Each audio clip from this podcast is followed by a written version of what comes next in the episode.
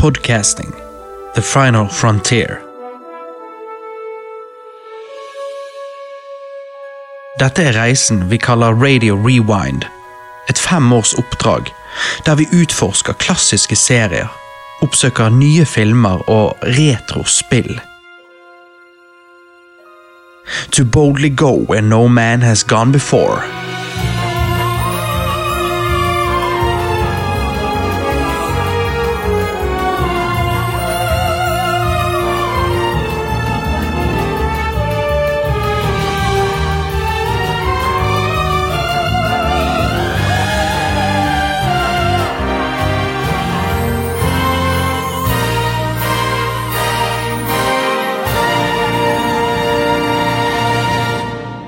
Navn er kaptein Robert, og med meg har jeg min bror, co-host og first officer Johannanas.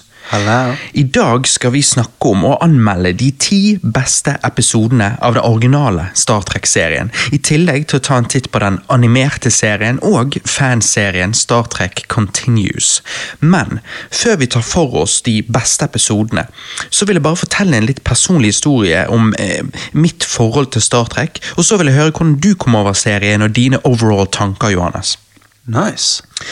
Jeg, eh, jeg var ikke noen fan da jeg var liten. Jeg zappet gjennom TV-kanalene, snublet over Star Trek og tenkte hva faen er dette? De preiker jo bare. Skal ikke det skje noe? Nei, da ser jeg heller Star Wars. Uff, tenk hvor uvitende jeg var.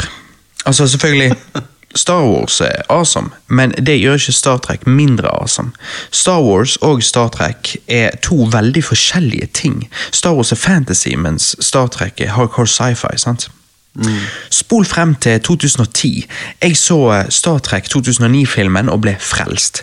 På den tiden var jeg ganske deprimert, men Star Trek ga meg håp. For det er jo litt det som er poenget med den serien. At, eh, at han skal gi deg et mer optimistisk syn på fremtiden. Skjønner du hva jeg mener? Yep. Jeg kjøpte alle sesongene på DVD og binget driten ut av de.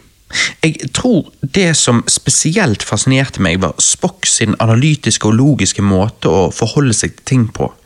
For meg som en ganske følelsesdrevet person, så var hans kalkulerte tankesett inspirerende. Jeg lærte av Spock at man ikke skal kontrollere følelser, men observere de og ikke nødvendigvis alltid reagere på de. Sitte logisk tenkning høyt, det å prøve å forholde seg rasjonelt og objektivt til ting, liksom. Dette hjalp meg ut av depresjonen, og jeg har vært en stor Star Trek-fan siden. Men Johannes, hvordan kom du over Star Trek, og hva er dine generelle tanker om serien?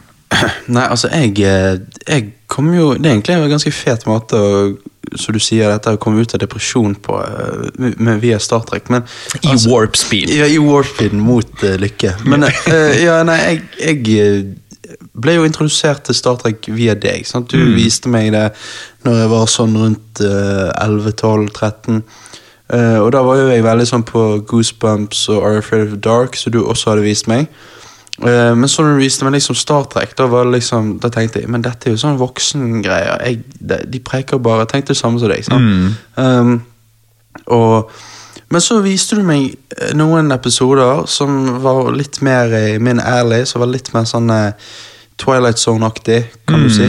Og de likte jeg veldig godt. Ja, for du likte Twilight Zone på den tiden. Ja. Det var jo kanskje det som gjorde at jeg viste det Star Trek, for det er jo litt samme sånn Det er litt samme, for noen, noen plott er, det er litt sånn jeg skal ha twister og sånn, sant? Mm. Og store øyeblikk. Så, men jeg, jeg likte Uh, Jeg likte noen episoder, men sånn generelt så så jeg det ikke på egen hånd. Det var liksom ikke sånn Nei, nei. at jeg, jeg eh, tenkte å, jeg har lyst til å se noe Star Trek. Det var liksom noe du viste meg.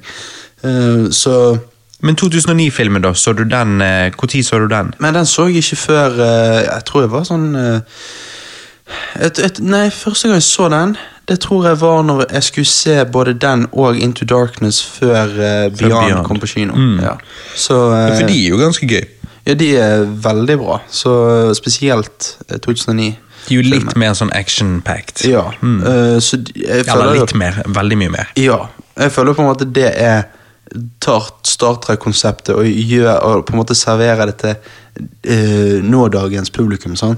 Ja, i tillegg, men, men uh, likevel bevarer det som er Star Trek. Ja, ja, ja. Det er den store forskjellen med eh, den eh, JJ Abrams-trilogien der versus hva Star Trek er blitt i dag. Nettopp. Fordi at eh, Star Trek i dag har den eh, TV-serien har, har den eh, estetiske litt sånn likhet til de filmene, men har totalt uh, misset hva som gjør Star Trek Star Trek. Ja. Hvor de filmene, spesielt den første som du sa, 2009, mm. uh, syns jeg liksom definitivt ivaretar uh, originale Star Trek-serien, men moderniserer den. Ivaretar det, som gjør Absolutt. den til den. Ja, det gjør det. Og, eh, men jeg, jeg, jeg syns at når jeg eh, altså det, det tok en stund før jeg begynte å sette pris på Star Trek. Det var alltid sånn at uh, du roset Star Trek opp, og så satt jeg og tenkte ja, men jeg, jeg, synes, jeg skjønner virkelig ikke hva som er så bra med det. Altså. Men så etter hvert, uh, når jeg så, når jeg så de JJ JJ Abrams-filmene, og, uh, og liksom så mer av eh, originalserien og litt sånn, da begynte jeg å like det mer og mer. og mer. Så nå, i dag vil jeg jo si at jeg ja, virkelig liker Star Trek. Ja. Ja. Nei, jeg, jeg er veldig spent på For det er jo sikkert mange episoder eh, vi har sett fra denne casten som du ikke har sett før. Ja, Mens jeg har jo sett igjennom alle disse Jeg har vel kanskje sett igjennom hele serien sånn to-tre ganger. Tre ganger, det er helt sykt.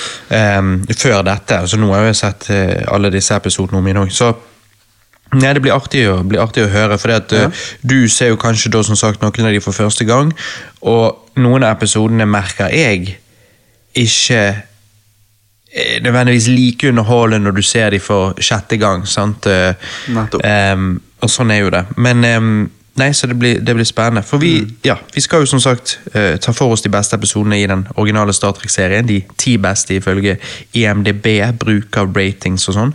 Men før vi gjør det, så må jo vi snakke om noen honorable mentions. Spesielt uh, den første episoden i serien, pilotepisoden, The Cage. Oh yeah. Jeg, eh, jeg elsker starten på The Cage. Musikken, den nydelige musikken. Og så går kameraet inn og ned i broen på Enterprise. For en herlig start på en herlig reise. Captain Pike og gjengen plukker opp et eh, 18 år gammelt nødsignal. De som sendte signalet, antas naturligvis å være død for lenge siden nå, men så får de kontakt. De er ikke døde likevel, eller er de? Er det overlevende her å redde, eller er det en felle? Jeg, -hmm. jeg syns denne episoden er veldig gøy. Du sitter liksom spent og venter på å se dette mysteriet utfolde seg. Skjønner du hva jeg mener? Ja, jeg skjønner hva du mener. Eh, Han er, han er gøy, men eh, eh, Ja, altså som en første episode så er han litt sånn Kan ta litt tid før du kommer i gang med, med hva som skjer. sant? Men Men for deg, dette er jo da selvfølgelig en felle, sant? Og, og, og Captain Pike blir eh, tatt til fange av eh, noen aliens, noen Telosians, eller hva de heter. Yeah. Um, planeten heter jo Talor 4. Talos 4, ja. Talos 4. Så, så der sitter han da, støkk sammen med en kvinne ved navn Vina, som disse Telosiansene eh, fanget eller reddet fra det vraket 18 år tidligere. Eh, det er her vi får den mest interessante dialogen i episoden når Pike og Vina eh, sitter og prater i. Eh, Pike spør om disse aliensene tidligere levde på overflaten på planeten, og hvorfor de i så fall gikk underground. Eh, Wiener svarer at eh, krig førte de underground. Livet underground var såpass begrenset at eh, de utviklet hovedsakelig sine mentale krefter, telepati, evnen til å skape disse illusjonene osv. Og så sier Wiener But they found it's a trap, like a narcotic, because when dreams become more important than reality, you give up travel, building, creating. You even forget how to repair the machines left behind by your ancestors. You just sit, living and reliving other lives left behind in the thought record. Temaet i denne episoden minner meg derfor veldig om Matrix, med disse illusjonene de gir Pike og hans mening om menneskets behov for frihet. sant? Em, på mange, på mange måter kan jo du dra paralleller til internett, sosiale medier og den slags. Det å sitte og scrolle, leve gjennom andre osv. Hvem skulle tro at Star Trek-pilotepisoden fra 1964-65 fremdeles kunne være så relevant den dag i dag? Det er egentlig sykt. Man kan jo naturligvis spørre en sjøl om serien prøver å si at eh, vi ikke burde flykte inn i underholdning, med tanke på at den gang så hadde ikke de internett og sosiale medier, men TV og, og, og den type tradisjonell underholdning. sant? Men grunnen til at eh, jeg ikke anser Star Trek i hvert fall som eh, som bare underholder, eh, fordi det samtidig er så lærerikt. Star Trek sitter et speil oppimot eh, verden, oppimot oss sjøl, og får oss til å ta en titt inn. Star Trek speiler eh, våre største drømmer og håp for fremtiden, men òg eh, ubehagelige sannheter om oss sjøl og hvordan vi lever. Det blir liksom en tasty, men samtidig næringsrikt måltid, mm. fremfor fast food, aka hjernedød blockbuster som kun er tasty. Skjønner du hva jeg mener? Ja. Det, det, liker jeg veldig godt. Mm. Eh, episoden startet med at Pike bare ville vekk fra alt. Vekk fra ansvar, vekk fra byrden av å være kaptein.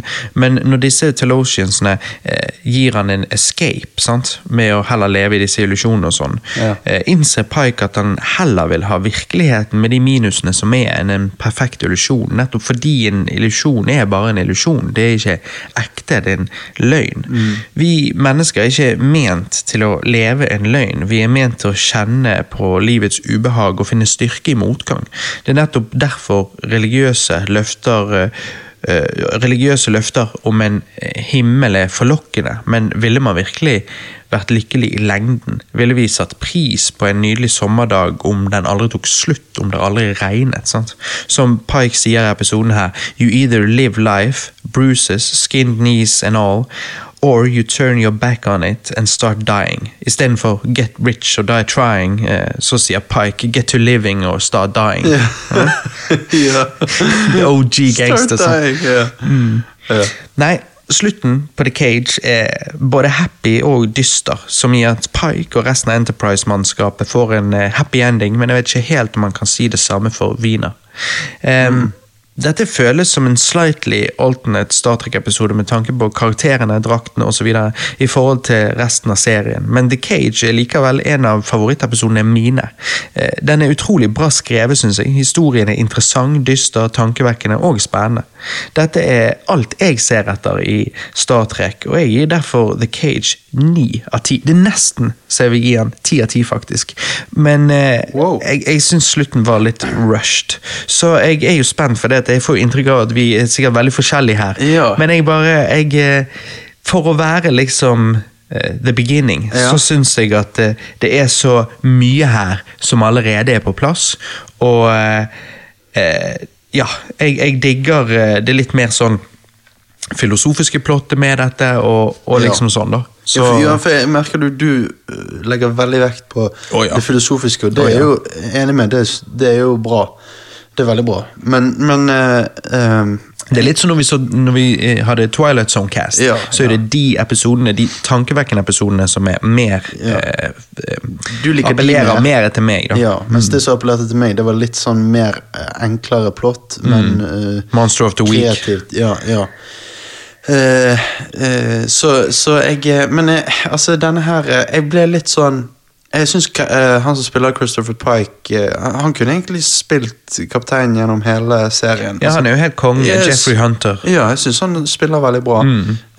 Og, men det eneste er når de kommer ned på Talos 4, sånn, så Altså, greit, jeg, jeg, vet det. Det er 60-tallet, og det er liksom pilotepisoden, men actingen av noen eh, karakterer kan være litt sånn uh, stiv. Jo, men Det er det gjennom hele serien. Jo, jo, jo men sant, og så ser du at sets... Det er ikke unikt til denne episoden. Nei, nei, nei det er jo ikke det, men, men uh... Altså, Kirk snakker jo sånn som dette ja, hele tiden. Jeg vet ikke hva vi burde gjøre med det. Ja, jo, men her er det sånn uh, Han Altså det, det, Siden det er pilotepisoden, så er det første jeg ser. Sant? Og mm. da ser jeg liksom ja, Her skal det være steiner, men det er tydelig bare papir. og sånn der, sant? ok Ja, eller eh, papp. papp. Nei, eh, nei, isopor. Isopor, sprayet grått. Ja. Jeg digger, jeg digger det, for ja. det, er så, det er så jævla sjarm. Det så skikkelig sånn B-film. og dette går jo, dette, Sånn er jo det gjennom hele serien. Ja, ja. Med de her spraypaintede liksom men, så, så, så, hva det heter igjen? Isopor. Isopor eh, men jeg, jeg liksom syns at den den sjarmen jeg får av det, er veldig sånn homemade B-filmopplegg. Og så ja. får det meg jeg, jeg, vet jeg er sikkert litt rar, men jeg liker jo ofte ting som jeg syns er veldig gjennomført, men som samtidig gir meg følelsen av at faen, dette kunne jo meg og Johannes gjort. Vi kunne, Ja, ja. Jo, vi kunne jo lagd et sånt sett som dette, og så kunne, vi, kunne vi lagd en Star Trek-episode. Ja. Liksom. Ja, Eller en kortfilm. Men Ja. Den der syns jeg er alltid Vi- vi- inspirerende. da. Vi tenkte jo på det en gang, å lage en kortfilm med Star Trek. Å ja, jeg, jeg eh, har manuskriptet på telefonen. Jeg, Ja. jeg, eh, nå når vi har sett gjennom masse episoder her, så, så har jo jeg eh, tatt en titt på det igjen og brainstormet mye og tenkt faen, det, det kunne vært gjort. Ja, sant? sant? Eh, men eh, nei, altså, eh, men så kommer disse testikkelkarene, og jeg bare syns Du syns hundene deres er testikler? ja, men jeg synes han ene er hans hovedtestikkel. Jeg syns han er så stygg. og, og liksom Det er greit, det har ingenting med noe å gjøre, egentlig, men, men uh, så er det dette her med at For du vet hva de gjorde for å, å, å få dette til å bli litt sånn weird, sant? Uh, Nei. Så er kanskje grunnen til at du syns de er stygge, eller det gir ikke mening, liksom. Eh, hvorfor? Er fordi at For det første er jo de sminket opp med, som du sier, sånn stort hode. Men det er noe med testikkel. Det er noe bare sånn aliens ofte har avbildet. Ja, ja. Jeg digger jo at de da har sånn pumpende blodårer, men, Ja. men nå, når du, nå når du har tatt uh, genitalia inn i dette, så, så plutselig føler jeg det helt feil. Men i hvert fall Ja. Og så har jo de mannlige stemmer og sånn, men det er jo kvinner. Er det det? Ja, men, og det gjorde de med vilje, for de tenkte disse aliensene, vi vil ikke vi vil ikke at de skal se tydelig ut som kvinner eller tydelig ut som menn, så vi sminker opp disse kvinnene til å se mest mulig alien ut, og så har vi mannlige stemmer, sånn at du bare føler at dette er noe annet. Ja, det, det, det følte jeg. Det skal de ha. Så jeg følte det var faktisk en alien jeg eh, ser på her. Eller liksom, jeg, jeg skjønte liksom ikke Jeg ble litt forvirret. Men, men så er det all denne her eh, eh, Han der eh, monster eh, eh, Hva skal man kalle det? Mo- monsterridder. Som kommer og liksom Ja, skal i ta de- en av disse illusjonene. Ja, ja. Liksom, han ser rar ut og alt sånt her. sånn, Så det er veldig mye rart. Det er veldig mye man må gå med på her og bare Ja, ok, sånn.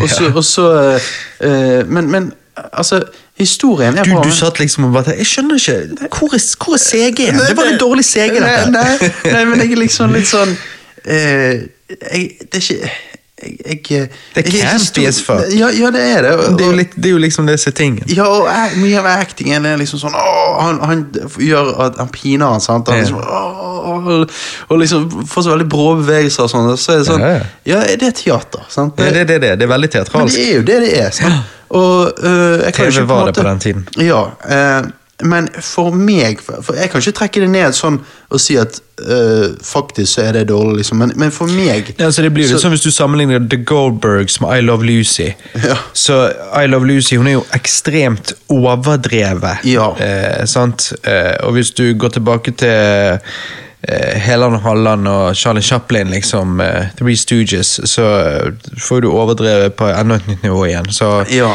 jeg, jeg, for- jeg føler jo man må bare ta og prøve å tenke at du nå er Eller liksom, man må se det som om det var 60-tallet du Ja. satt og så det i. Men jeg fikk bare litt sånn Beneath the Planet of the Apes-vibes. Uh, fordi at det, det, er, det er rare folk, det er under bakken, det er litt wooden acting. Ja, men det er det òg i den første Plant of the er Jo, jo wooden da.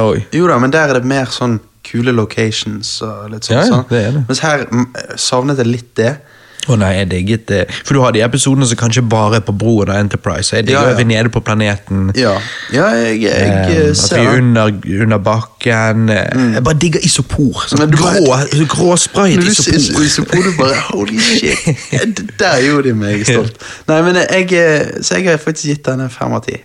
Å, herregud. Men vi, har forskjellig taste her. Det har vi. Ja. Det blir faen meg en spennende cast da, for da har vi så forskjellig taste. For dette er en av Dette er liksom Jeg kan bare si dette er liksom topp tre. sant? Nei, er det det? Så, så eh, Oh, shit. Ja, jeg elsker uh, Jeg, jeg er elsker. The Cage. Ja, ok. um, så Altså, at så du gir han fem, da, da, da vet jeg ikke hva å forvente. Det, det, men det er en Det nesten- spennende start. Det er nesten så jeg må se den igjen, bare for å se hva jeg mistet. liksom Fordi at, uh, altså ti av ti? Du får nesten lyst til å gi den ti av ti. Nei.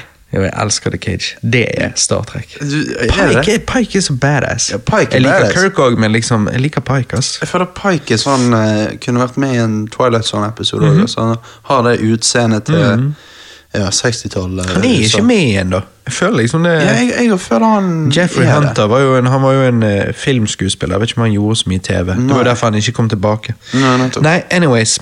Jeg digget jo som sagt denne episoden, men NBC var jo litt som deg, var ikke helt solgt. Nei. Eh, De likte The Cage eh, som en TV-spesial, en one-shot-greie med en fantastisk produksjonsverdi, mye høyere enn hva man var vant til å se på TV back in the day. Så du skulle jo bare sett hva, hva folk var vant til den gangen. Ja. Da var det isopor som ikke var spray-painted. Oh, shit, Her brukte de i hvert fall pengene på det. men, eh, men som en serie mente jo NBC at det, det manglet noe her. da. De mente The Cage var for intellektuell, det kan jeg se for meg. Det er derfor du ikke skjønner han. Litt som når du sier til meg med Mother at det, meg og Christer, vi bare skjønner ikke han. Så kanskje du bare ikke skjønner The Cage. Kanskje. Nei, De mente at The Cage var for eh, intellektuell, og at episoden skulle gjerne hatt litt mer action. Jeffrey Hunter, som spilte Captain Pike, var ikke interessert i å komme tilbake, så William Shep Shatner eh, fikk eh, kapteinrollen, og karakteren ble endret til James Kirk. Em, Skaperen av Star Trek, Gene Roddenberry, fikk muligheten til å lage enda en pilotepisode, Where No Man Has Gone Before. Denne gang med mer fokus på spenning og hvordan eh, dette skulle kunne fungere som en serie. Vi skal komme tilbake til Where No Man Has Gone Before, for eh, NBC likte det de så der og ga Gene en sjanse til å lage serien. Men Likevel The Cage aldri ble gitt ut som en egen episode når serien først gikk på TV, så brukte de eh, deler av han til å lage en ny episode, The Menagerie part 1 og 2, den eneste dobbeltepisoden i den originale serien. Kirk, Spock og McCoy, den hellige Star Trek-trioen, ankommer Starbase 11. De har mottatt en beskjed fra Pike om å komme, men kommandøren ved basen sier at det er umulig. Pike er ikke i form til å sende noen beskjeder. Det viser seg at Pike har vært utsatt for en ulykke som har gjort kroppen hans basically helt ødelagt. Hjernen fungerer fint, men that's it. Og kommandøren har rett. Pike har ikke sendt noen beskjed. Spock har lurt alle. Men hvorfor? Ah, enda et mysterium, og jeg elsker det. Det er, det, det er litt som i Twilight Zone. Jeg bare, jeg bare digger mysteriet, bro. Ja. ja. Kirk, Kirk blir vist eh, et hemmelig et topphemmelig dokument om Talos 4, planeten Pike og Spock besøkte i The Cage. I dokumentet står det eh, at det er ulovlig å besøke planeten, og denne loven ble utformet på bakgrunn av Pike og Spock sine opplevelser der 13 år tidligere. Det er faktisk det eneste lovbruddet i Starfleet som medfølger dødsstraff. Det blir jo fort tydelig at denne episoden ikke bare er en episode som bruker footage fra The Cage på nytt, men dette er en legit oppfølger til The Cage. Spock kidnapper Pike, stjeler Enterprise, etterlater Kirk på Starbase 11 og sitter kursen mot Talos 4. Kirk hiver seg i en shuttle og følger etter. Kirk kommer om bord, Spock blir arrestert, men, får, eh, eh, men Kirk får ikke stoppet kursen Enterprise er på, den er låst. Spock blir tiltalt for mytteri, men det ser ikke ut til å eh, plage Spock noe særlig. Dette var nemlig en del av planen til Spock hele veien. Gjennom rettssaken blir vi vist store deler av The Cage, og til slutt eh, viser det seg eh, Viser det seg? Viser det seg Viser det? seg? Jeg bare blir så intellektuell og liksom sånn eh, snobbete av Star Trek. Sant? Det, så, det er så high up there. Sant?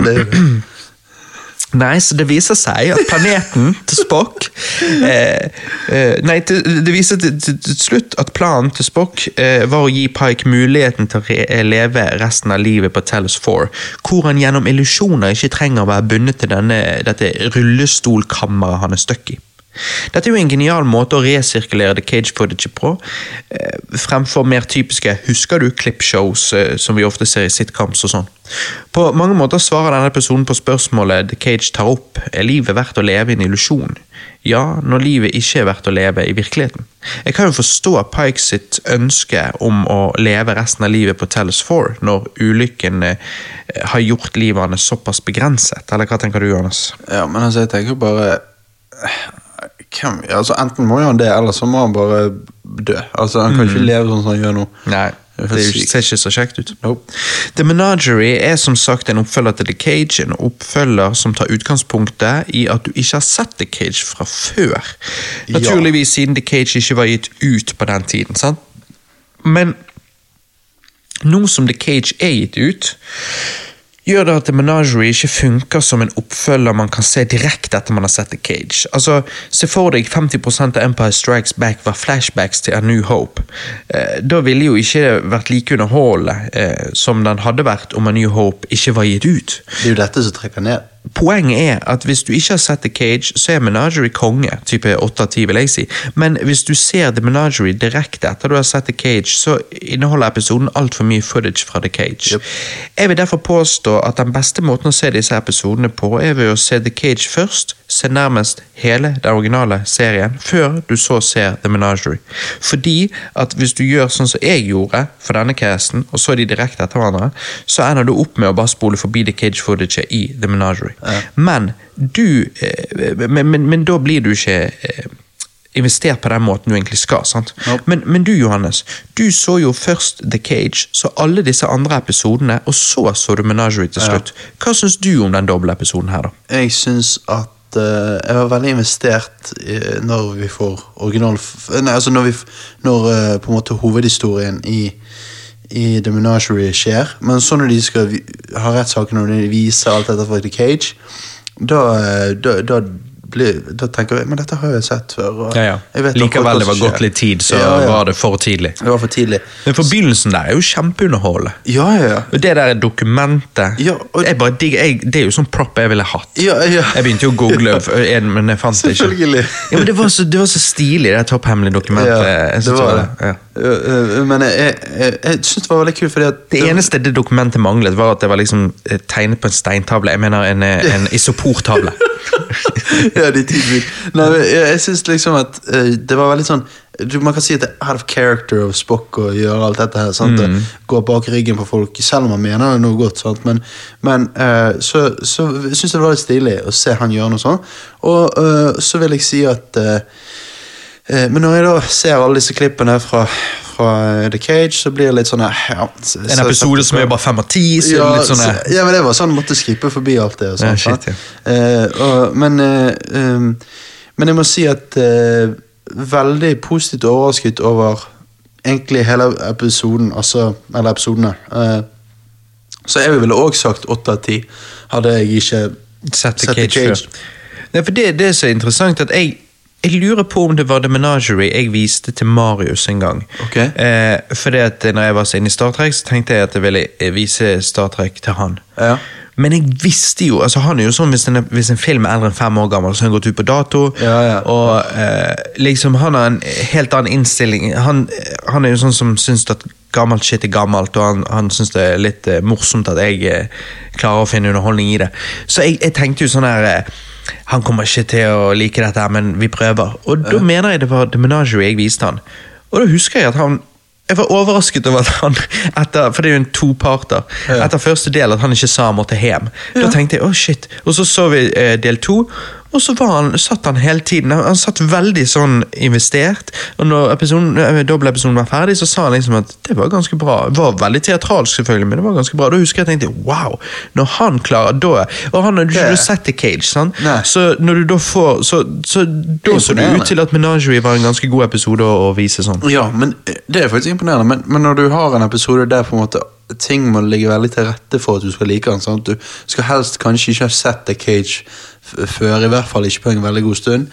Eh, og alt dette her så, Og det hadde jo ikke de den gang, de hadde ikke sett den. Nei, nei, nei, men altså, sant, da, da, da blir det litt problematisk. Sant? Ja. Eh, så det trekker jo selvfølgelig litt ned dette at de viser så mye. Sant? Eh, men Med eh, det perspektivet vi har i dag. Ja, men Mens den gang så hadde det vært awesome. ja. Den gang så hadde jo kanskje The Menagerie vært en av mine favoritter, bare fordi at alt det cage footage liker jo jeg. Ja. Og så den nye historien hadde jeg kanskje likt. sant? Og så... Ja. Men ja, det er veldig vanskelig å se på en episode og tenke hvordan hadde jeg syntes denne var hvis ikke jeg allerede hadde sett eh, halvparten av den. Ja, ja, det er det. Nei, jeg, jeg, liker jo, den. jeg liker jo The Cage best, men uh, uten The Menagerie ville ikke Pike uh, muligens uh, Da ville jo han kanskje aldri blitt canon. Og av den grunn så sitter jeg veldig stor pris på denne Ja, episoden. det at Spock er villig til å risikere sitt eget liv for å hjelpe sin tidligere kaptein, er ganske badass. Litt ute av karakter, som du sier, men det viser hvor lojal Spock er. Mm. Hvis jeg var Kirk, som nå er Spock sin kaptein, så ville jeg tenkt damn, eh, Spock kanskje villig til å risikere livet for meg òg. Det er jo ikke en dum ting å ha en så smart, kalkulert og lojal Vulcan First Officer i ryggen, liksom. Absolutt. Eh, men ok. La oss gå tilbake til den andre Star Trek-pilotepisoden, Where No Man Has Gone Before. Dette var jo som sagt den eh, Ja, den andre eh, pilotepisoden etter at den første ble avvist av NBC. Ryktene sier at det var Lucia Ball som overtalte NBC-ledelsen til å vurdere en ny pilot, fordi hun likte Gene Roddenberry og trodde på prosjektet. Lucia Ball er jo eh, hun som hadde hovedrolle i den klassiske sitcomen I Love Lucy, og som eide um, Desilu, Desilu Productions, hvor piloten ble produsert. Episoden starter med at Enterprise forsøker å krysse en energibarriere ved kanten av galaksen, noe som resulterer i at Kirk sin kollega og kompis Gary Mitchell utvikler, utvikler gudelignende evner som truer sikkerheten til mannskapet om bord. Gary Mitchell lar disse kreftene gå til hodet på han, og måten mannskapet på skipet beskriver Garys utvikling av disse kreftene, er den nøyaktig samme måten utviklingen av kunstig intelligens er beskrevet i dag. Og det er jo litt skummelt, så Spock sier til Kirk om en måned har han like mye til felles med oss som vi har med mus. Holy shit. Og hvem liker ikke mus? Nettopp. Alle. Men, men ja, nei, sånn Det var ikke classy av meg. Vi snakker tross alt Star Trek. Ja. Men eh, nei eh, Ja. De innser derfor at de kun har to valg. Enten drepe Gary, eller forlate ham på planeten Delta Vega. Um, Kirk nekter først, men innser naturligvis fort at han ikke har noe valg, og ber derfor Spock sitte kursen mot Delta Vega. Gary blir sterkere og sterkere. Dr. Elizabeth, som eh, også ble påvirket av skipets møte med denne energibarrieren, begynner å få krefter på lik linje med Gary. Sammen vil de starte en ny rase mennesker på Delta Vega, en rase guder. Men med hjelp av Kirk ser Elizabeth at eh, Gary har fått stormannsgalskap og uh, ofrer seg for å redusere Gary til et nivå Kirk kan deale med. Kirk vinner til slutt og velger å holde tilbake deler av hendelsen i rapporten, så Gary og Elizabeth eh, blir husket for de de var, og ikke de de ble til. Um, jeg digger den, eh, jeg, digget den episoden back in the day, men nå som jeg har sett den nærmere ti ganger, får jeg ikke så veldig mye ut av den med tanke på at episoden er jo litt enkel. Den er kul og sånn, men eh, den er ikke like tankevekkende som The Cage, vil jeg si. Ikke at alle episodene trenger å være det, men det er ofte den ingrediensen for meg personlig som dytter de over kanten fra god til fantastisk. Denne episoden er sånn jeg den er sånn jeg ser det Sånn jeg ser det, så er det sikkert mest gøy for nye og, og yngre Star Trek-seere. Litt sånn som eh, at du har gøye, men enkle Twilight Zone-episoder, og så har du episoder som får deg eh, virkelig til å tenke. sant? Ehm, jeg gir Where No Man Has Gone Before likevel da en, en svak åtte av ti. Eh, Ja, For ok. den er jo good times. Ja. ja, jeg må si at jeg digger denne episoden. Jeg- Denne kan jeg huske fra liksom, når du viste meg Star Trek. da. Mm. Uh, Jeg vet ikke om dette var kanskje den første jeg viste deg, eller? Jeg, jeg tror det. Det kan godt hende. fordi at eh, Jeg husker de lysende øynene på han Gary sant, når han begynner å, å få dette Aluminiumsfolie på øynene. ja, ja, det ser jeg faktisk ut. Men, ja, han hadde jo vondt som og, faen. var det det de brukte? Jeg lurer på om det var det, ja. Holy, Det er jo ikke sunt engang. Nei, nei, nei. Hva i all verden? De kunne jo Kunne ikke de på en måte redigert Kunne ikke de bare sp spraypainte øynene hans, da? Akkurat som isoporet. Hadde ikke litt mer til overs etter isoporet? Ja. Nei, helsike. Aluminiumsfolie. Å, shit. Nei, men da, da fortjener han enda mer respekt. Men eh, nei, altså Er det derfor han går litt sånn? Han Ja, har ja. hodet litt bakoverlent og sånn, fordi at det var vanskelig å se gjennom. og sånt. Ja, nettopp. Ja, fordi at eh, eh, Men jeg syns at det på en måte bare edder litt mer karisma til karakteren. Oh, ja, absolutt. Eh, det, han, det virker som han derfor tenker han er mer overlegen. Ja, sant. Mm. Fordi at eh, Jeg digger veldig godt eh, scenen der han ligger på sykebenken sant? i sykestuen. og så liksom, det, det er liksom Når han transitioner fra Ikke sykesengen, men eh, sykebenken, Nei, syke, faktisk. nei, men det er sykesengen. Når han liksom uh, Når han går fra dette her at han er, ikke skjønner hva som skjer, til gudeaspekt, Mm. til uh, stormannsgalskapen. sant? Så du merker at det utvikler seg, sant? og det er veldig bra. Det gjelder creepy. Ja, Det er sykt creepy. Det gjelder creepy å se den utviklingen.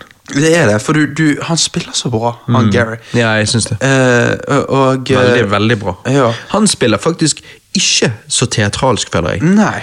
Av alle, av alle karakterene i den originale Star Trek-serien, så syns jeg kanskje Gary Mitchell klarer å spille mer overbevisende og litt mer moderne acting i Ja. Ja, når du sier det, så, så, så syns jeg det òg. Han har en litt sånn, litt sånn Holdning. avslappet holdning. Ja, og så, og så leverer han ikke linjene veldig sånn overdrevent. Han, han liksom han, Akkurat så du Han virkelig er en, eh, en karakter. Et ekte menneske.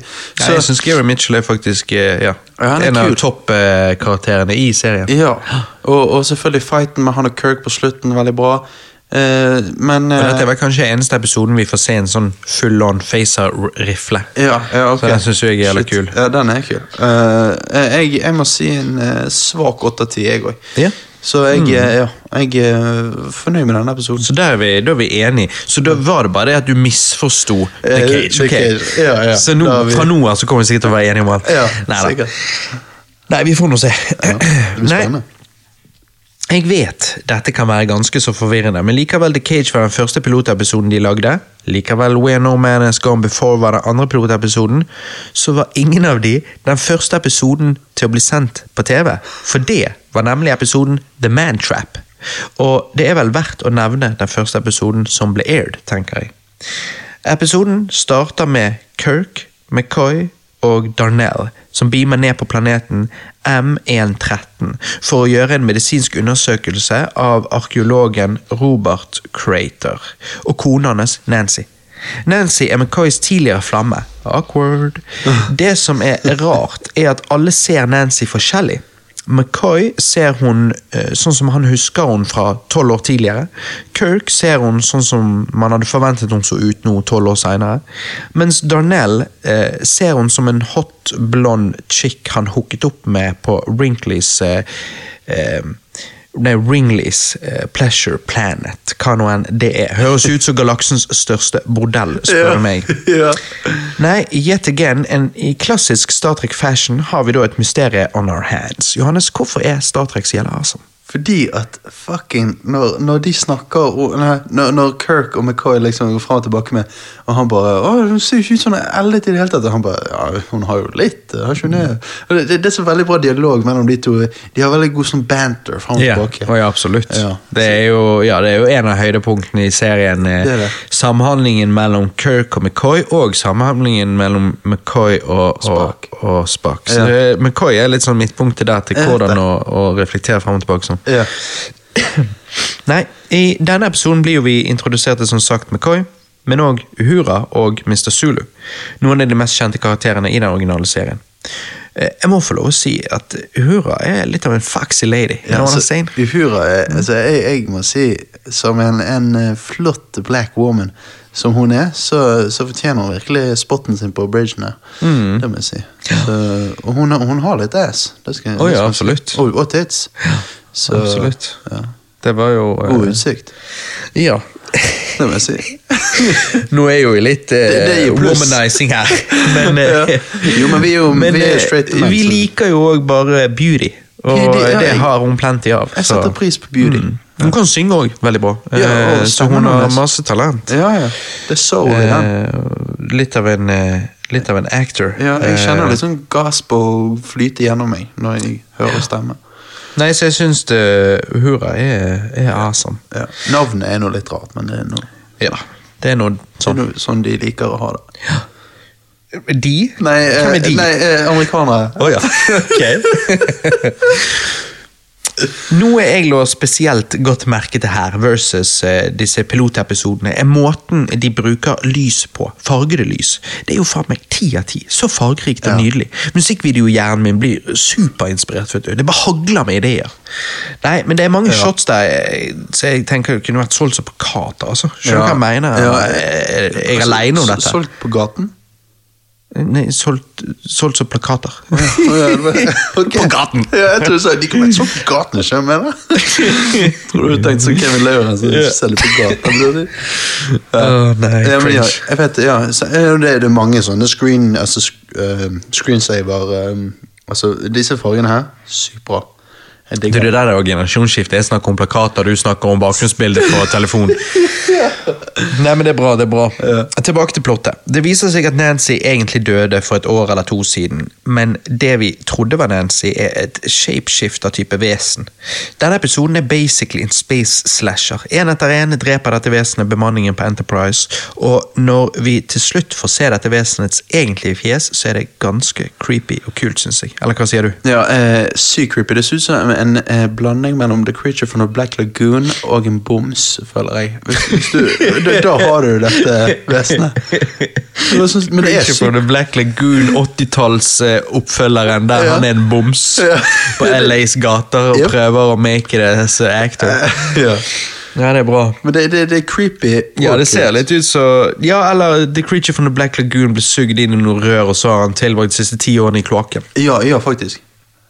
Jeg synes Sammen med The Teenage Mutant Ninja Turtles. Ja. Nei, dette er en eh, litt treig episode, og akkurat som Where No Man Has Gone Before, så er historien relativt simpel. Denne gang en klassisk Monster of the Week-historie.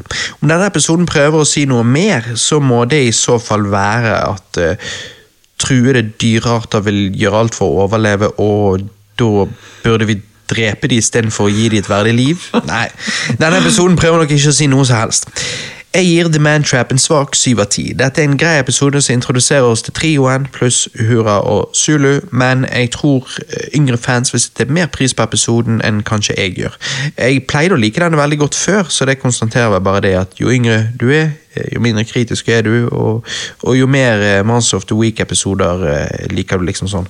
Så eh, nei, hva, hva gir du denne? Hva syns du om The Man Trap? Nei, altså, altså The Man Trap, uh, høydepunktene der for meg er uten tvil banteren i begynnelsen om dette, om, om hun damen og sånn mellom McCoy og, og Kirk. Ja, ja. Og, og, og selvfølgelig reveal av uh, vesenet. sant? Uh, men jeg, jeg gir det òg en uh, syv av ti, faktisk. Så uh, nå er vi veldig Nå er vi veldig Nå på linje her. nå er vi på linje. Ja, litt skummelt, egentlig. Eh, Du har jo òg viktige, men totalt average episoder, som f.eks. Aaron of Mercy, eh, episoden som introduserer oss til klingonsene. Kirk forsøker å etablere en outpost, outpost på Organia, en planet eh, bebodd av tilsynelatende primitiv rase, men når klingonsene angriper, viser organierne eh, sine virkelige evner. Denne episoden introduserer oss som sagt til klingonsene, en alien rase som endte opp med å bli utrolig viktig for Star Trek videre. De ser naturligvis litt teit ut her, eh, sammenlignet med hvor mye kulere de ble avbildet i The Next Generation-serien, og spesielt teit ut sammenlignet med hvor sykt badass de ble avbildet i, i den andre JJ Abrams-filmen, eller kanskje til og med enda bedre i Star Trek Discovery. Yep. Dette er en antikrig-episode, og det er jo naturligvis kos det, men jeg føler liksom jeg savner krig, da. Jeg kødder. Eh, vi har nok av det i verden. Nei, Ja. jeg, jeg føler det er gjort på en veldig straightforward og litt kjedelig måte her, denne antikrig-greien. da. Eh, ja, jeg, altså, altså, jeg pleier å like Kirk, men i denne episoden er han altfor aggressiv og urasjonell. Det føles derfor litt feil når Spock blindt følger Kirk, uansett hva han sier eller gjør. Men kanskje Spock følger Kirk pga. lojaliteten sin til kapteinen. I don't know. Jeg bare føler at denne episoden sårt manglet McCoy, the voice of reason. Skjønner du hva jeg mener? Jo, jo, jeg kan se den. Hadde det ikke vært for at dette er den første Klingon-episoden, så hadde jeg nok brydd meg enda mindre. Jeg gir Errand of Mercy fem av ti. Nei! What?! Ja, her, her er vi bare Her er vi jo uenige igjen. Helt forskjellige. Jeg, jeg gir denne episoden åtte av ti, fordi at jeg, eh, jeg digger uh, dette altså begynnelsen med at de går ned på denne planeten, altså Kirk og Spock går ned og snakker med dem, og, de, og, og bare denne her uh, denne her forvirringen du først får som, som uh, seer, og, og ja, de vil ikke ha hjelp, men de, de trenger hjelp, og, men de altså ja, For vi vil være helt nøytral. ja, sant. Og, så se, altså, jeg forstår Kirk sin frustrasjon, for han skjønner liksom ikke hva som foregår. sant? Og, jeg syns disse klingerne, ja, de ser litt teit ut, men jeg liker han her lederen til klingonsene. Spiller bra. Og så syns jeg det er litt kult det der når han på en måte, han, han misliker Kirk, men han samtidig liker han litt. sant? Fordi at uh, han, Fordi at han er så sta og alt dette. ja, sant. Eh, og ja var veldig god dialog i eh, denne episoden. Jo da, det er det. Og så er jo det twisten, da, på slutten. Eh, som jeg liker. Og, altså, ja, jeg, jeg, eh, jeg gir den åtte av ti. Dette var liksom en av mine favorittepisoder. Shit. Ja, det er, mange, det er mange som liker eh, denne episoden veldig godt. Eh, så eh, ja, nei jeg eh, Jeg har vel bare sett den for mange ganger, holdt på å si. Eh, og syns at Kirk er, er litt for urasjonell her, og syns det er litt rart at Spock følger han blindt der, og Ja, men, syns det er litt kjedelig og litt treigt, men eh, ok. ja. Huh. Nei, du har jo òg kjente, men litt dårligere episoder, som f.eks. for eksempel Arena, hvor Kirk og en Gorn-kaptein slåss en battle to the death. De første ti minuttene er non-stop action når Kirk og gjengen blir angrepet nede på Cestus 3. Men når Kirk og denne Gorn-kapteinen skal fighte det ut, mano eller mano, så blir episoden bare teit. Se for deg skikkelig, skikkelig, skikkelig dårlige wrestling moves. Sakte, teite moves som virker nærmest som en spøk. Altså, Det ser ut som takes fra øvingen, og ikke de faktiske endelige opptakene. Kirk leker MacGyver på slutten her, mekker en liten kanon og vinner kampen. Fire av ti, eller hva sier du? Ja, nei, jeg, jeg gir den fem av ti. Fordi at jeg eh, det, jeg, altså Begynnelsen digger det. Og så bare ta den 360 midt inni, og så blir det komisk. Det Den blir- fighten er jo helt mongo. Ja, men òg han, han som er monster. Sånn, og så, han bare, det er så rare lyder. Og så, Det var egentlig ganske perfect, den lyden han lager. ja, ja, sant? Og, så, og så blir du litt sånn desorientert på hvor er de i forhold til hverandre. Fordi, Ja, det aner du ikke. Plutselig nei. er de close, plutselig virker det som Kirk eh, chiller og har god tid. Ja. eh, og du bare, altså- Hvor faen ble han Gordon av? Ja, plutselig virker det som liksom ja, Kirk løper fra Gordon, og så, og så uh, ser vi at Kirk er med tre, og så er han Gordon snart med det treet. Så liksom Kirk har tid til å ringe eller høre på eller Han må liksom tenke seg fram til hva kan han bruke som våpen. Åh, jeg må trenger det, jeg trenger det. Ja, Og så- så- prøver vel å kontakte Ja. Skokk de, jeg vet ikke. ja, jo. Men så får han lang tid eh, og, og, og dette her med denne steinen som er perfekt plassert oppå sant? Eh, Jeg skjønner jo det at eh, de har lagt til rette for at de skal slåss med hverandre her på den planeten, men eh, eh, Ja, det, det er bare veldig rar episode. Så Du, fem av ti. du, fem av ti, du gir den likevel så høy. Ja, for jeg, jeg, jeg, likte veldig godt begynnelsen, og så er det sånn så Hvis man aksepterer at det er teater, sant, så er det litt sånn, ja ja. Jo, men helvete. Ja, Jo, altså ja. jeg, jeg har liksom ingenting å justify det med, men uh, han uh, Det var den feelingen du satt med når du hadde sett episoden. Ja, jeg, jeg syns Kirk ser kul ut når han, når han liksom løper rundt og er svett og bare Ja, du liker eldre svette menn. nei, men, det, nei, men det, altså, William Shatner ser jo bra ut. Så han, han ser jo ut som en, en helt. Han er, han er man. Han er man. Han er skikkelig man. Mm. Så ja, men fem av ti. Ok, la oss ta for oss noen honorable mentions, basert på våre egne favoritter som ikke kom med på topp 10-listen til IMDb.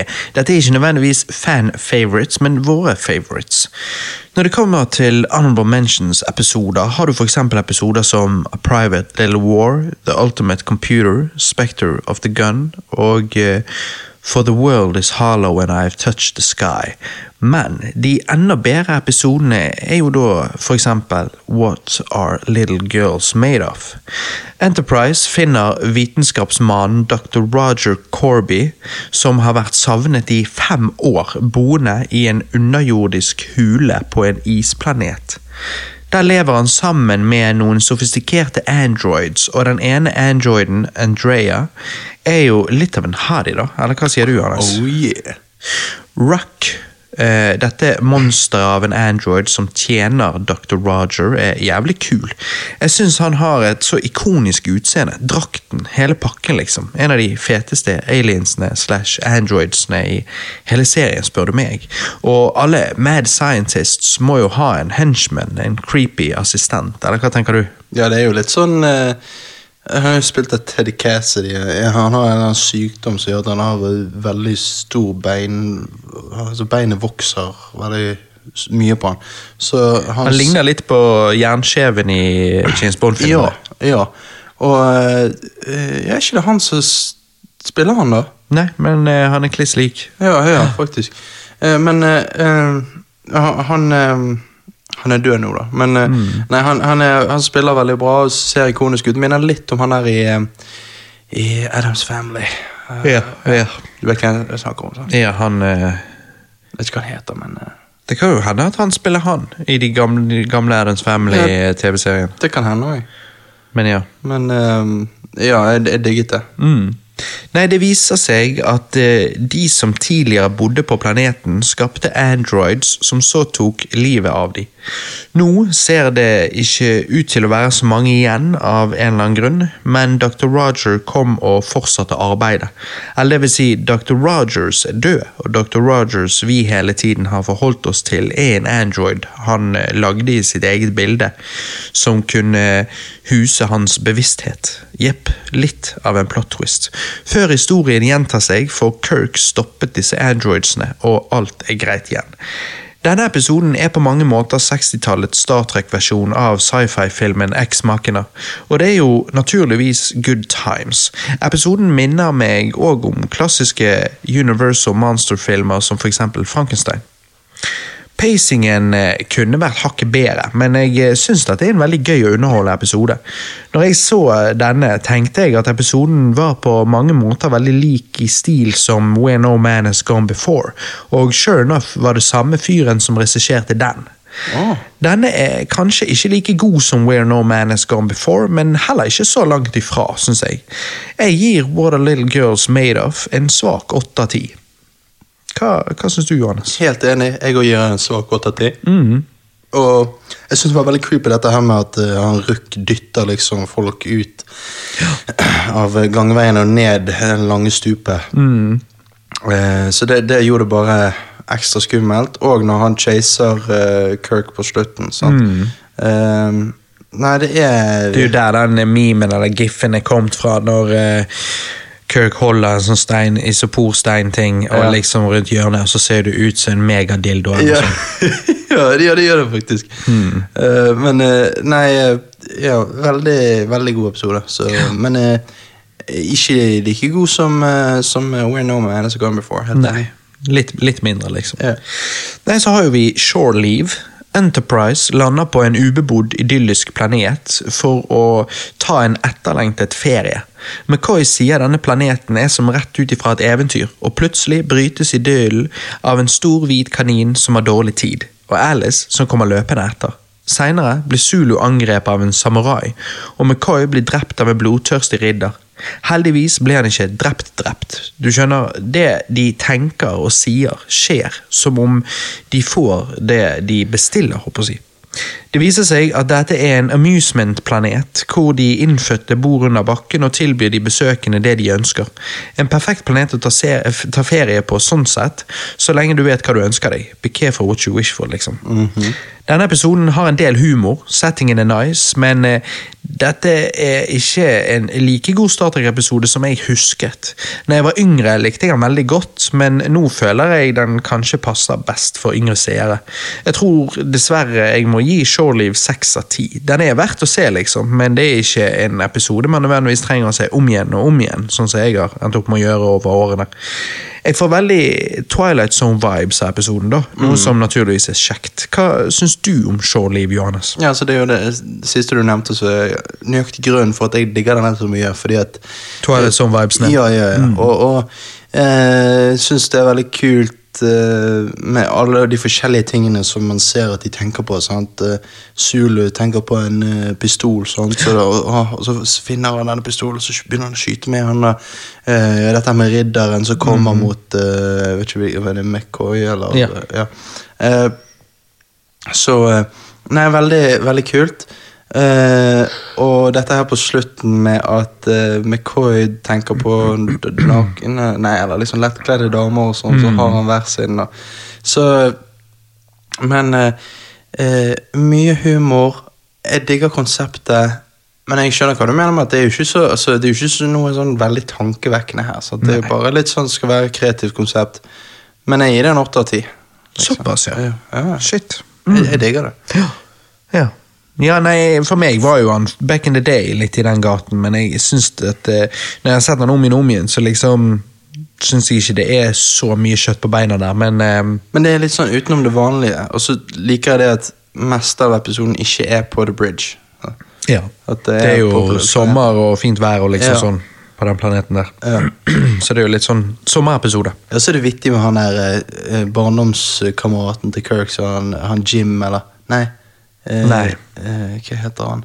Finning, Finningen. Finningen. Ja, Sånn, liksom Jeg bare syns han er så jævla weird. jo, men, jo, men han er så sånn du, du, du tenker det samme som du ser Kirk tenker. Sånn, og tenker, din jævel, sånn, skal ta deg. Sant?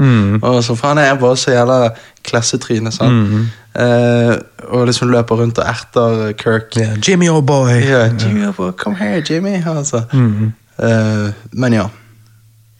Nei, og så har jo vi eh, Tomorrow is Yesterday. En svart stjerne sender Enterprise tilbake i tid. Mer spesifikt tilbake til jorden på 1960-tallet. Nede på jorden observerer de en ufo. Det er jo da Enterprise. Det sendes menn opp for å få et nærmere syn på saken. En av de, Christopher, kommer for nært på. Og Kirk er tvunget til å beame han om bord. Nå som Christopher vet så mye, kan ikke Kirk sende han tilbake. De søker gjennom arkivene, og Christopher bidrar visst ikke på noe historisk nivå, så det går liksom fint. Men så innser Spock at han har gjort en feil. Han sjekket ikke opp i etterkommerne til Christopher. Den ufødte sønnen hans utgjør en eh, historisk forskjell, og de må derfor returnere han til jorden, og det kvikt. Men hvordan? Kirk sier at på den tiden, 60-tallet, ble ofte sånne hendelser som dette bortforklart som værballonger og den slags, offentlig i hvert fall. Så kanskje Enterprise faktisk har vært her? hæ? Før de kan returnere Christopher til jordens overflate og reise tilbake til sin egen tid, må Kirk og gjengen ødelegge alle bevis på at eh, de har vært i fortiden. Det blir ikke så enkelt som de først trodde, men til slutt får de det til, slingshotter seg rundt solen og reiser tilbake til fremtiden. Og så har jeg bare lyst til å cue inn musikken fra Back to the Future. Nei, dette er jo en relativt simpel, men kul idé for en Star Trek-episode. Dette tidsreiseplottet gir ikke helt mening hvis du tenker kritisk på det, men episoden inneholder plenty av action og humor, så det er en klassisk popkorn-episode eh, sånn sett, og jeg syns det funker fett. Jeg gir Tomorrow Is Yesterday en sterk syv av ti. Hva sier du, Johannes? Wow, det, nå er vi i synk. Jeg har også gitt en sterk syv av ti. Ja. For jeg, eh, jeg syns det er eh, gøy med alle disse her vaktene nede på Mm. eh, Jeg vet ikke hva er det, et museum, eller Nei, det er vel en, eh, En base. militærbase. Militærbase, det var det. Eh, og disse, Men du syns serien ser jo så gammel ut, så dette må jo være et museum alt, alt sammen. ja, det de, ja, sånn nattevakter, liksom. Ser ut som. Og så uh, er det i hvert fall sånn uh... Det er kun på museumer de har nattevakter. Ja, nei, fordi du tenker bare natt på et museum. ja, ja, jeg forbinder det med det. Nei, men så, så når liksom ja, ja, Kirk blir hørt om det der, sant? og de spør hvor kommer du fra, hvordan kom du inn her? Altså. Mm. Og liksom bare, Hvis jeg fortalte deg, så har du ikke kommet til å tro på meg. Sant? Og de bare Mm. «Ah, Try me, altså. Eh, men eh, nei, ve veldig gøy episode. Um, så det er en sånn popkorn-episode. Men jeg setter jo pris på det, da. Ja, nei, jeg òg. Ja. Den, er- den er good times. nei, så har jo du court martial. Um, etter at en offiser blir eh, drept i en stygg ulykke, tyder dataloggen på at Kirk har skylden. Kirk mener han er uskyldig, og likevel han vet oddsen for å klare å bevise det er elendig. Likevel han blir gitt muligheten til å gjemme hendelsen under teppet, så vil Kirk sjøl bli tiltalt og satt foran krigsretten. Ikke bare vil han det, men han krever det. Der har du en mann med noen solide prinsipielle verdier. Oh, yes. Så godt som ingen av oss ville gjort det samme, og det er virkelig beundringsverdig at Kirk gjør uh, det her, vil jeg si. Eller hva tenker du? Han er en mann av ære, og mm. du, det, det han, han Han er en mannemann. Han er en mannemann. Han har cajonas, og han, han skal gjøre ting eh, riktig og verdig. Ja. Det, det viser seg at Kirk har blitt framed, men av hvem? Jo, av mannen han ble beskyldt for å ha drept, Finni. En bitter mann, en knust mann, en mann full av hat, villig til å gjøre hva som helst for å ødelegge livet til Kirk. Selvfølgelig klarer Kirk ved hjelp av eh, Spock og McCoy å finne og eksponere Finny. Just another day on the job. Denne episoden er kanskje ikke noe topp ti-materiale, men jeg syns han er god. Jeg gir Court Marshall syv av ti. Hva syns du om denne episoden, Johannes? Ja, ok. Ja, for jeg ville tro at du virkelig likte denne her, siden det handlet liksom om, om, eh, rettssak og sånn. Ja da. Eh, så, men eh, jeg, jeg syns twisten på slutten var sykt kul, med at Finni var i live likevel. Mm. og sånn, og eh, ja, uh, Digger dette konseptet med at Kirk og advokaten liksom sliter litt. sant, og, og sånn her. Eh, men jeg, så jeg gir det faktisk en svak åtte av ti. Ja, nei, men det er nice, det. Ja. Det er en god episode. Mm. Absolutt. Nei, så har jo vi A Taste of Armageddon. Når mannskapet ankommer planeten eh, Aminiar 7, Ja. eh, der de beordres til å dø, finner Kirk ut at de befinner seg i en virtuell krig, hvor folk må begå selvmord for å unngå virkelig kamp. Altså Som i at når et område bombes virtuelt, må innbyggerne der eh, gå til dødskammeret, hvor de blir avlivet. Og på den måten drives det ekte krig, men uten at bygninger og den slags blir ødelagt. En jævlig unik og kul, men fucked up idé. Altså, det er jo på en måte logisk å skape et system, til og med i krig, som minimerer den negative effekten av krig, når du først er midt oppi det. Men nettopp det at de driver krig på denne måten for å spare bygninger, byer, kultur osv., er òg grunnen til at krigen har pågått i 500 år. Krig skal være ødeleggende og forferdelig, for kun en forferdelig krig gir en grunn til å prøve å oppnå fred. Skjønner du hva jeg mener? Mhm. Likevel IMDb-ratingsene ikke sitter denne på topp ti, så gjør jeg det på min personlige liste, for jeg syns dette er en knallgod episode med et fantastisk budskap. Jeg gir A Taste of Armageddon en sterk åtte av ti. Hva syns okay. du om eh, den episoden, Jeg, Johannes? jeg digger denne episoden. Mm. En av mine favorittepisoder. Ja. Og uh, ba, bare konseptet i seg sjøl er jo så kult. Det er fucked up og creepy, men det er bare veldig kreativt. Unikt. Unikt, og, eh, og, og, eh, og jeg digger bare eh, monologen til Kirk på slutten, sant, der han forteller om at eh, de har gjort krigføring så smertefritt at eh, de har bare fortsatt å gjøre det hele tiden. Mm. Eh, og veldig god dialog. Det er pacing her. Eh, så jeg gir dette en ni av ti. Mm. Jeg, ja, Jeg skjønner det. digger denne her. Jeg skjønner det. Ja. Det Og så ja. tit- tittel òg. A Taste of Armageddon. For det er jo det det er. Sant? Eh, Så uh, ja, dramatisk og uh, Jeg syns det, er overraskende- jeg synes det er overraskende denne ikke er på topp ti. Eh, Ja, det er veldig rart. Han er på min. Ja, min òg. Nei, så har vi This Side of Paradise. Enterprise reiser for å etterforske en planet med en eh, jordbrukskoloni eh, hvor de som bor der skulle vært døde, men de er det ikke. Ikke bare er de ikke døde, men helsen deres er bedre enn han var eh, før de reiste og satte opp denne kolonien. Spock er den første eh, av Enterprise-mannskapet til å bli utsatt for det samme de i denne kolonien har lenge vært utsatt for. Eh, noen sånne spores eh, ja, som plantegreier. Han blir eh, forelsket i en av eh, kolonistene, ler, leker og oppfører seg helt motsatt av hvordan han vanligvis er. Det er litt artig å se Spock oppføre seg sånn. Se Spock stå opp imot Kirk, er du ikke enig? Eh, jo, veldig. Dette er jo på mange måter en episode om eh, hva som hadde skjedd hvis alle på Enterprise røykte hasj. Denne planeten er et rent paradis, og likevel vi mennesker er ment til å utfordres, så frister jo evig ferie òg. Jeg vet ikke helt hva jeg hadde gjort om jeg hadde joinet de eller ikke. Hva, hva ville du gjort, Johannes? Jeg ville jo ikke joinet. Nei, for jeg, jeg tror jeg kanskje kunne joinet de. Eller, det vil si, jeg ville ikke hatt evig liv, men alt det andre ville jeg hatt. Så jeg syns jo endingen her er litt trist, men kanskje riktig. Som sagt, evig liv eh, tror jeg ikke er en god ting, eh, og helsen deres her blir jo altfor god. Men det at eh, livet ender på et tidspunkt, er det Ja, det, som- det som gjør at, at livet er verdifullt, er jo det at det ender på et tidspunkt. Men ellers så frister det, for de, jo, de lever jo bare i evig lykke. Jo, men denne episoden er jo en sånn anti-drug-episode. sant? Ja. Fordi at sant? Ja, du får god helse og føler deg veldig bra, Mm.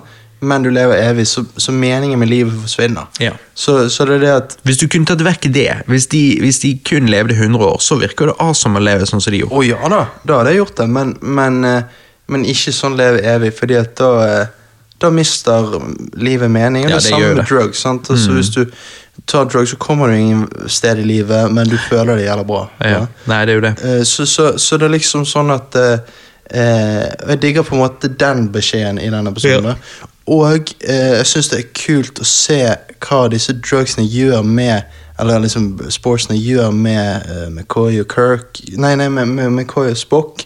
Liksom sånn at De bare 'Kom an, Jim. Beam deg ned', da. Liksom sånn, sant? Og, eh, men det eneste jeg ikke skjønner her, er, er det med, med mm, eh, Hvordan den ene blomsten kommer på, på broen og skyter på Kirk.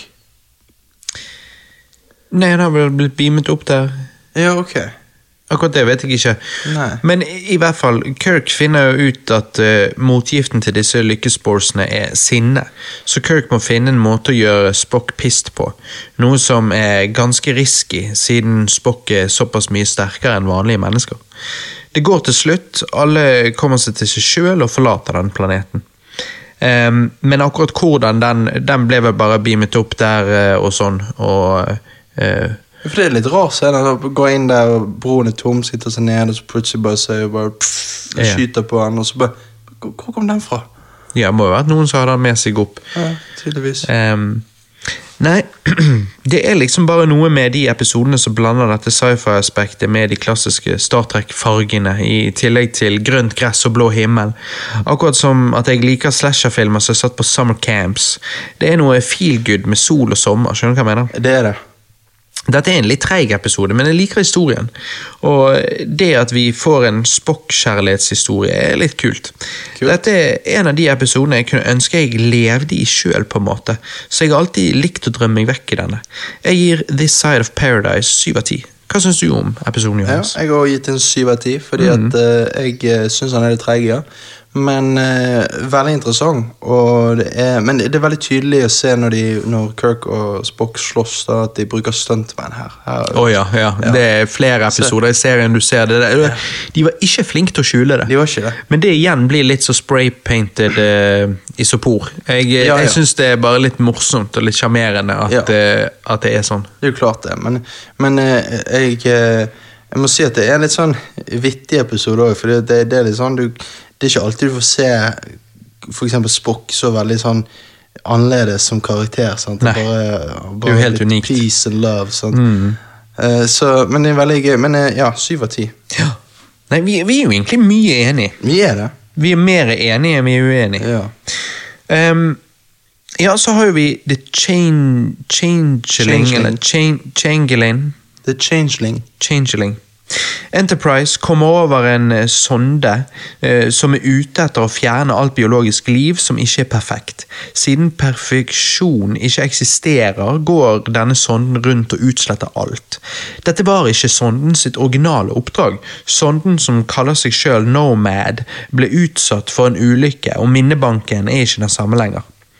Nomad tar faktisk livet av Scotty på et tidspunkt her, for å så wipe alt av minne og kunnskap Uhura har. Nomad tror Kirk er hans skaper pga. en feil i systemet, lytter derfor til han, og til slutt klarer Kirk å lure Nomad til å utsette, utslette seg sjøl.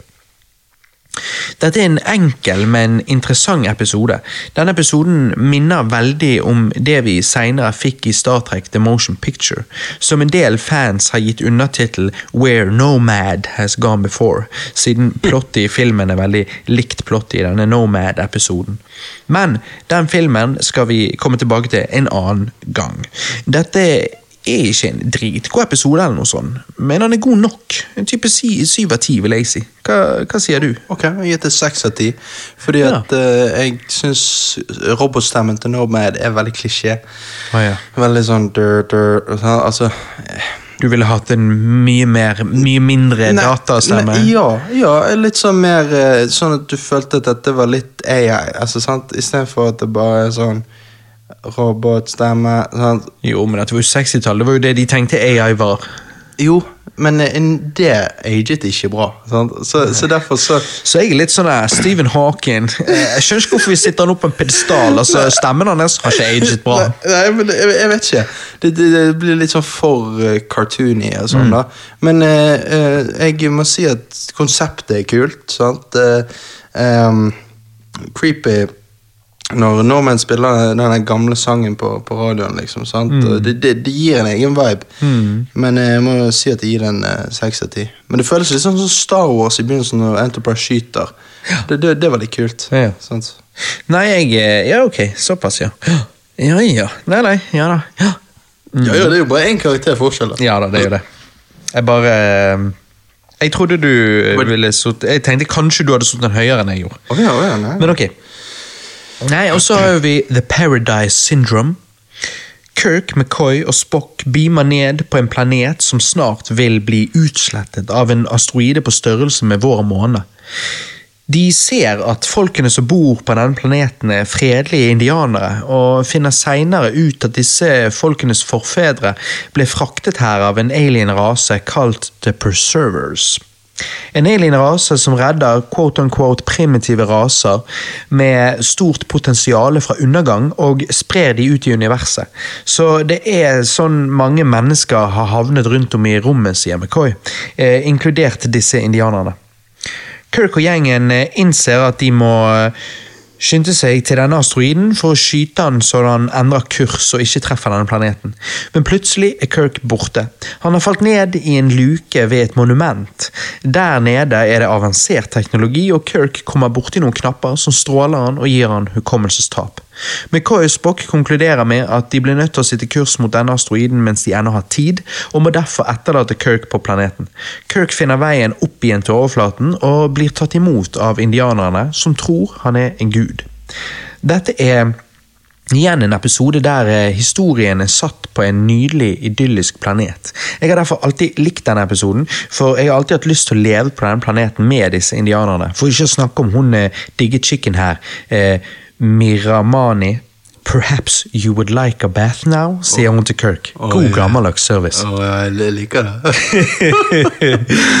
På et tidspunkt ser det ut til at eh, ser det ut som Kirk aldri har vært lykkeligere. Han skal til og med bli far. ja. Ved asteroiden feiler Spock og gjengen i å endre asteroiden sin kurs. De har derfor ikke annet valg enn å reise tilbake til planeten, der de bare vil ha timer på seg til å finne Kirk før planeten blir totalt ødelagt. Det er en action-packed tredje akt. Kirk blir funnet av Spock og McCoy, får hukommelsen tilbake, åpner luken igjen ved monumentet og får knust asteroiden med teknologien i monumentet. Men Miramani dør, og barnet hun bærer, dør med henne. En både trist og happy ending. I det originale manuskriptet overlev, overlevde Miramani og fødte Kirks barn, noe jeg syns hadde vært veldig kult. ja. Hmm. Men ja. Det har ikke blitt like dramatisk, da. Nei, nei, det er det. Jeg bare, liksom, Det å ha Kirk sin sønn hadde jo vært litt stilig. Å Ja, se han seinere kanskje gå i farens fotspor. Ja, ja. Denne episoden har god pacing, stakesene er høy, historien er romantisk, spennende og kul. Alt i alt syns jeg denne passer fint der oppe med Where No Man Has Gone Before og What A Little Girl's Made Of, som et artig eventyr av en episode. Jeg gir The Paradise Syndrome åtte av ti. Hva syns du, Johannes? Ja, ja jeg, eh, jeg gir det en syv av ti. Men jeg, okay. jeg, jeg liker den veldig godt òg fordi at eh, Dette var jo en av de episodene du viste meg da jeg var liten. Og det var liksom fordi at du viste meg Shore Leave, for den var litt sånn adventure og out there. Så viste du meg denne sant? fordi at du visste at jeg likte indianere og sånn. sant? Og, Ja, og jeg tenkte liksom at jeg prøvde å vise deg episoder som ikke nødvendigvis var i space eller på Enterprise, Ja. men mye liksom nede på planeter med solskinn og ja. i, ja, jeg må si at jeg merker at uh, det er Altså, dette er en av de beste episodene i sesong tre. Sant? Fordi at det, der er ikke det så mange gode. føler Nei, det er det ikke. Uh, men men uh, da må jeg si at altså, her er det virkelig bra. Og, og jeg skulle ønske at Kirk ble på planeten med hun uh, Mira Miramani. Miramani. Så, for de passer veldig godt sammen. Sant? Jo, det er det jeg sier. Hun skulle fått kiden hans, og alt Skulle vært good. Men- Levd lykkelig alle sine dager. Skulle vært siste episoden. Ja, det skulle det. Altså, han, tenk hvor fett, da. Men, men, men ja, så når de liksom finner ut at Kirk ikke er en gud, sant? F- fordi han kan ikke redde livet til eh, Nei, ikke, hva er egentlig Nei, han kan ikke Nei, De tror jo definitivt han er en gud når han redder livet til en gutt som holder på å drukne. Ja. Eh, men det er et eller annet med å åpne det der monumentet og sånn. Ja, ja. Det er det han ikke kan. Ja, det kunne ikke han. De bare her, Og så hiver de steiner på Mm. han. Og så, sant? Eh, men eh, Nei, altså Helt en god episode. Jeg må virkelig si det. Så ja. Ja.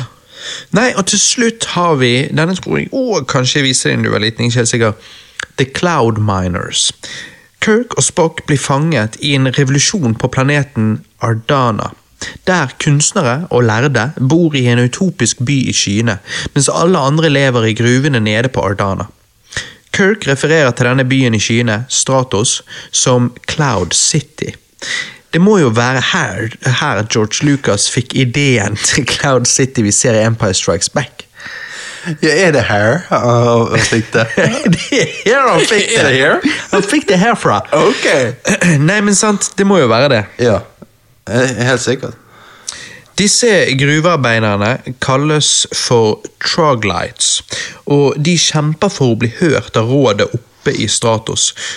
Kirk og Spock ser, de, eh, ser det nødvendig å blande seg i konflikten. Som Spock sier, de som får belønningen er adskilt fra de som bærer byrden. Oh. Dette er en episode om klasseskille.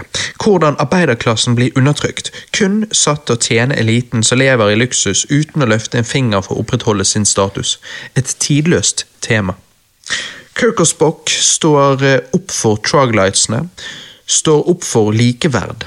Det viser seg at gruvene er full av eh, en type gass som eh, hemmer hjernefunksjonen og øker følelsesnivået. En gass som gjør troglightsene voldelig og desperat. Kirk og gjengen tilbyr troglightsene gassmasker, men eh, å vinne tilliten deres er ikke så lett. Etter mye om og men får Kirk og gjengen gjort fremskritt, og det ser ut som det er håp for gruvearbeiderne til slutt. Denne episoden er, min, er på min eh, personlige topp ti-liste.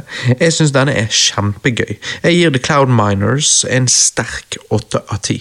Hva syns du om denne episoden, Johannes? Nei, jeg vet ikke hva jeg har mistet her. Fordi at uh, som jeg, som, altså Konseptet er kult, men jeg syns at denne episoden var gjesp. Altså fordi at nei, jeg, jeg, Jeg syns han er treig. Jeg synes han er What? Jeg har siden, siden første gang jeg så han, gjennom alle årene, så tenkte jeg at det er en av de beste. Ja, Jeg syns skuespillet var dårligere enn vanlig. Og, What? Ja, jeg, jeg, eh, Det var mye cheese her, og det var ikke god Hva vil jeg cheese. Nei, mye cheesy greier. Hva tenker du på da? Altså, nei, men når det kom til skuespillet, da Oh, ja. Eh, og jeg eh, men, men altså, selvfølgelig Jeg likte ikke Jeg digget liksom konseptet og historien. Var ikke det kult? da? Jo, jo men, men liksom setsene og locationsene Jeg bare jeg følte det ikke. Ja, shit, jeg følte det som bare juling. Jeg synes okay. det var så kult med Cloud City liksom, og Ja. gruvene og Ja, altså, Nå skal jeg ikke svartmale det helt. Jeg, jeg gir det en seks av ti, men jeg, jeg eh, det, Så det er above average, men eh, jeg bare Oh, var, ikke, wow. var liksom ikke helt investert. da Å, shit. Så eh, Ja. Ja, nei, Det var litt surprising. Jeg tror liksom denne er nesten med på IMDb sin topp ti. Såpass. Ja. Ja, for Jeg kan ikke huske denne fra da jeg var liten, så jeg tror ikke jeg har vist den før. Nei. Men uh, nei, jeg, jeg var ikke helt overbevist. Men du syns ikke historien var kul? Nei, uh, egentlig ikke. Hva var feil med den da, liksom? Nei, det, det var bare jeg, jeg fikk liksom ikke helt eh, jeg, ble ikke, jeg ble ikke investert. Det var, det var noe med disse troglightsene og nede i gruven der og nei, Ting bare føltes litt sånn her eh, platt. Jeg vet ikke. Nei, Det høres jo bare høres ut som du har sett det på feil dag eller noe. Ja, At det føltes platt, det er jo faen meg Ja. det. Nei, det var noe med actingen som bare tenkte «Åh, nei. Brr. Ja, nei, jeg har aldri tenkt at actingen skilte seg ut i forhold til alle andre Star Trek-episoder. Merkelig. Da er vi kommet til the main event. Dette er de ti beste Star Trek TOS-episodene ifølge IMDb. Basert på brukernes rating. Vi begynner jo da nederst og jobber oss oppover. Nummer ti, The Devil in the Dark. Enterprise er sendt til en gruvekoloni som terroriseres av et mystisk monster, hvor de finner ut at den merkelige skapningen er intelligent med et gyldig motiv. Dette er en god episode, men etter min mening litt overrated. Nå har jo jeg aldri vært noe særlig fan av James Camerons Alien heller, da. Men ja, altså, siden det er litt likt. Eh, Ok, Har ikke vært fan av Alien? jeg har aldri likt så veldig godt Alien, nei. What? Det er en av de storfilmene som jeg alltid syns det. Husker ikke det? vi hadde, hadde ikke vi Alien med på eh, skrekkfilmens historiecast? Jeg ga den sikkert syv av ti, eller hva det var. Nei. Nei, det er en av de, store, de filmene alle andre elsker, som jeg ikke helt skjønner. Men ja. Um, uten denne Star Trek-episoden ville vi nok aldri fått Alien, så det er jo kanskje kult. Det Men eh, jeg kødder. Jeg skal ikke ta så hardt i. The Devil in the Dark ville, jo, ville, ville jeg personlig uten tvil fjernet fra topp ti og byttet ut med en av Honorable Mentions-episodene vi har snakket om, som eksempel The Cloud Miners. Så du, du må bare sette den på feil dag. Altså. Ja, kanskje. Ehm, første akten er helt ok, andre er boring, mens tredje akten er veldig god. Altså på den måten at målet er enkelt og greit. Finn dette monsteret og drep det. Når det da tar så lang tid å finne monstre, blir det litt gjesp. Men selvfølgelig, når de finner monstre, er det veldig interessant å lære hvorfor hun har drept disse 50 gruvearbeiderne. Jeg eh, gir The Devil in the Dark en solid 7 av 10. Hva syns du om den, Johannes? Ja, jeg, eh, dette var virkelig en episode jeg digget. Eh, altså, Bare eh, alt fra begynnelsen, når Bare måten de sier ting på. Sant? Eh, han ene soldaten som ble tatt av det monsteret, eh, Schmitter. Eh, like the rest of them burnt to a crisp. Eller sånn, og så begynner du å på hva, Men hva mener de? Altså, blir de brent av monstre? Hva, hva er dette for noe? sånt? Mm. Um, og eh, ja, uh, det at letemannskapet til Kirk uh, må gå ned i grottene og sette sitt eget liv i fare, det er helt sykt, egentlig. Fordi at, eh, altså, de vet jo så lite om dette monsteret. Um, men det er veldig høy spenning her. Uh, og når, når, eh, eh, de, de ser monsteret og, og finner ut mer om det, og sånn, og så finner de ut at det er det ene, den eneste av sin art, og sånn, og så sier Kirk, nei, så sier Spock at å drepe dette vesenet hadde vært a crime against science. Sånn. Likevel, de ga faen i det i The Man Trap. Eh, ja da, selvfølgelig. men, eh, men ja, så jeg, jeg, eh, jeg gir denne åtte av ti. En sterk åtte av ti. Sterk åtte av ti! Ja, jeg, jeg digget den. Men jeg liker en creature feature. altså jeg, eh, Selv om selvfølgelig dette ser jo helt for jævlig ut, dette monsteret. Det ser ut som Jeg vet ikke. Suse en lavamopp. I lavamopp lava bare Eller nei, det ser ut som det skal se ut som en lavamopp. Ja. Men det ser jo ikke ut som det heller. Nei, men, eh, men det plagde meg liksom ikke helt, fordi at eh, det var liksom oppførsel oppførselen til monsteret som var det spennende her. Ja, når det når det jiglet. Når det sto sånn jiglet fram tilbake. Nei, nei, men det er dette her med at uh, det, det var veldig farlig, men egentlig sårbart. Sant? Så, så jeg, jeg likte dynamikken der. Nei, jeg må si en sterk åtte av ti. Helsike. Ja ja, så du ville latt han stå, håper å si. Ja, ja. Den er på min personlige topp ti. What the fuck? Ok. Ja, nummer ni. The Enterprise Incident. En sliten, irritabel og tilsynelatende helt urasjonell Kirk sender Enterprise bevisst inn i Romulan-territoriet og blir umiddelbart omringet av fienden. På, eh, på et tidspunkt her ser det ut som Spock er en forræder og vil joine Romulansene. Han tar til og med og dreper Kirk, men hvorfor? Hva skjer? Øh, Kirk er helt på bommen, og nå er Spock en forræder! Ah, som jeg har nevnt før, da, jeg liker godt mysteriet. Vel, Spock drepte ikke Kirk for real. Han ga Kirk det klassiske nerve pinch, eh, som simulerte Kirks død for å få Kirk ut av Romulansene sitt fangenskap og i sikkerhet. Kirk returnerer undercover som en Romulan, stjeler cloaking device deres, teknologien som gjør skip usynlig. Kirk eh, bringer det om bord på Enterprise, får Scotty til å installere det, beamer Spock til sikkerhet, and off they go. Det viser seg at eh, Kirk var fit for duty after all. Spock var ingen forræder, men eh, alt var bare spill for galleriet, en del av planen. Enterprise var sendt av Starfleet for å få tak i dette cloaking devices, sant? så mission accomplished.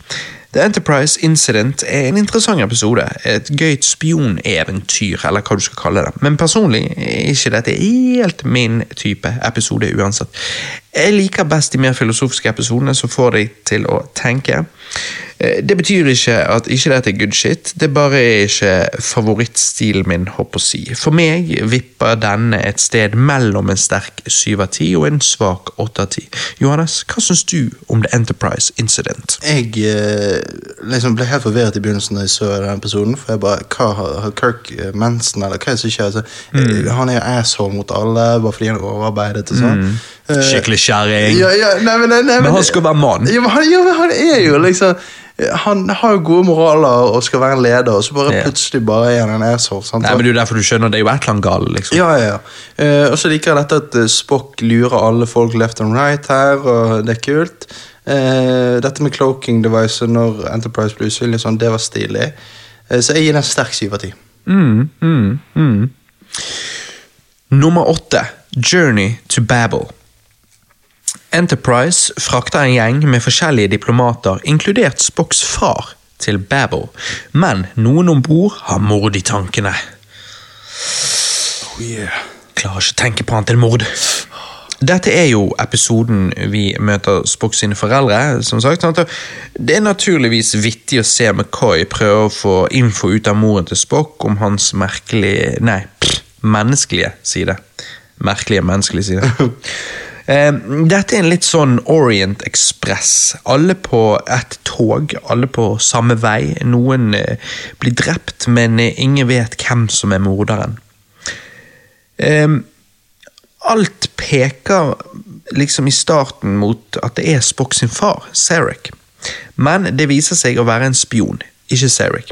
Sarek er døende, men Spock er villig til å stille opp, gi blod osv. Så, videre. så blir Kirk forsøk, forsøkt drept eh, av denne spionen, men klarer å fighte tilbake. Enterprise blir angrepet mens Sarek er under operasjon. Men Kirk og gjengen eh, eh, seirer, og operasjonen blir en suksess. Dette er en spennende action-packed episode. Absolutt en god og gøy episode. Men igjen, ikke noe tankevekkende. Det er ikke noe særlig dypere budskap her, men det betyr ikke at, eh, at dette ikke er en ganske gøy popkorn-episode. Fokuser på Spock og foreldrene eh, ja, Forholdene han har til foreldrene sine. sant? Nei, jeg gir Journey to Babylon svak 8 av 10. Ok, ja, jeg gir det en sterk syv av ti, fordi at uh, jeg, jeg, jeg syns det er spennende, og det er action-packed. og liker når, um, altså, at vi får se Spock snakke uh, med foreldrene sine og sånn. Ehm, og Spock snakker med moren sin om hans menneskelige side og sånn. sant? Og det, det er stilig. Jeg liker eh, McCoy når han preker til foreldrene til Spock. så han liksom spør eh, faren ja, er ikke, er, ikke, er ikke på tide å pensjonere seg, og sånn, og han sier bare jeg er jo bare 102 år. og sånn. sånn. Ehm, så uh, Men veldig mange rare vesener her. Altså, det, her snakker vi Dette er sånn på linje med, om ikke verre enn kantinescenen i A New Hope. Så Men eh, Men eh, ja, det er greit. Det er Sterk 7 av ti. Hmm. Det var ikke noe sånn amazing, men det var, var, var bedre enn uh, average. Ja. Nummer syv, Amok Time. Spock oppfører seg helt urimelig, sint og utagerende. Han spiser ikke og kommer med voldelige trusler. Kirk og McCoy vet ikke hva de skal gjøre. Spock eller som du ville sagt, han har mensen. Ja, ja. Spock nekter å forklare, eh, forklare de hva som plager han, men til slutt får McCoy undersøkt han og konkluderer med at hvis ikke Spock får reist til Vulcan innen de neste åtte dagene, kommer han til å dø. Dun, dun, dun. Det viser seg å være Vulcan paringstid. Spock må til Vulcan for å møte sin arrangerte fremtidige kone, men eh, han har eh, Det er ikke menn, men som han har vært forlovet med siden barndommen. Den fremtidige konen til Spock kan velge å utfordre han, sånn at Spock må kjempe for hun. Hun har òg makten til å velge utfordreren, så hun velger Kirk. Spock og Kirk. A fight to the death. Spock vinner. Kirk dør. Spock vil ikke ha konen sin likevel, siden hun ønsker en annen. Spock godtar dette, men sier til den nye mannen hennes en ganske kjent Star Trek-quote.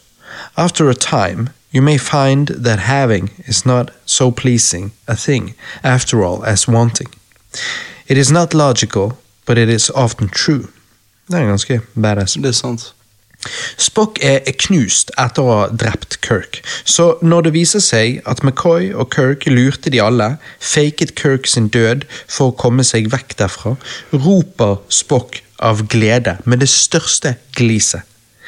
Han tar eh, en Kanye, da, og så samler seg igjen. Men det er vittig å se eh, Spock vise ekte glede, noe han konstant undertrykker ellers. Er du ikke enig? Jo, jo det, det er spesielt. Det det. Dette er en litt rar, men definitivt spennende og gøy episode. Jeg begynner å se et mønster her. da. Denne episoden, eh, denne, denne topp ti-listen, eh, har mange gode action-packed episoder, men ikke så mange av de episodene jeg føler skikkelig hardcore trekkfans eh, liker best. De mer tankevekkende episodene. Men, men.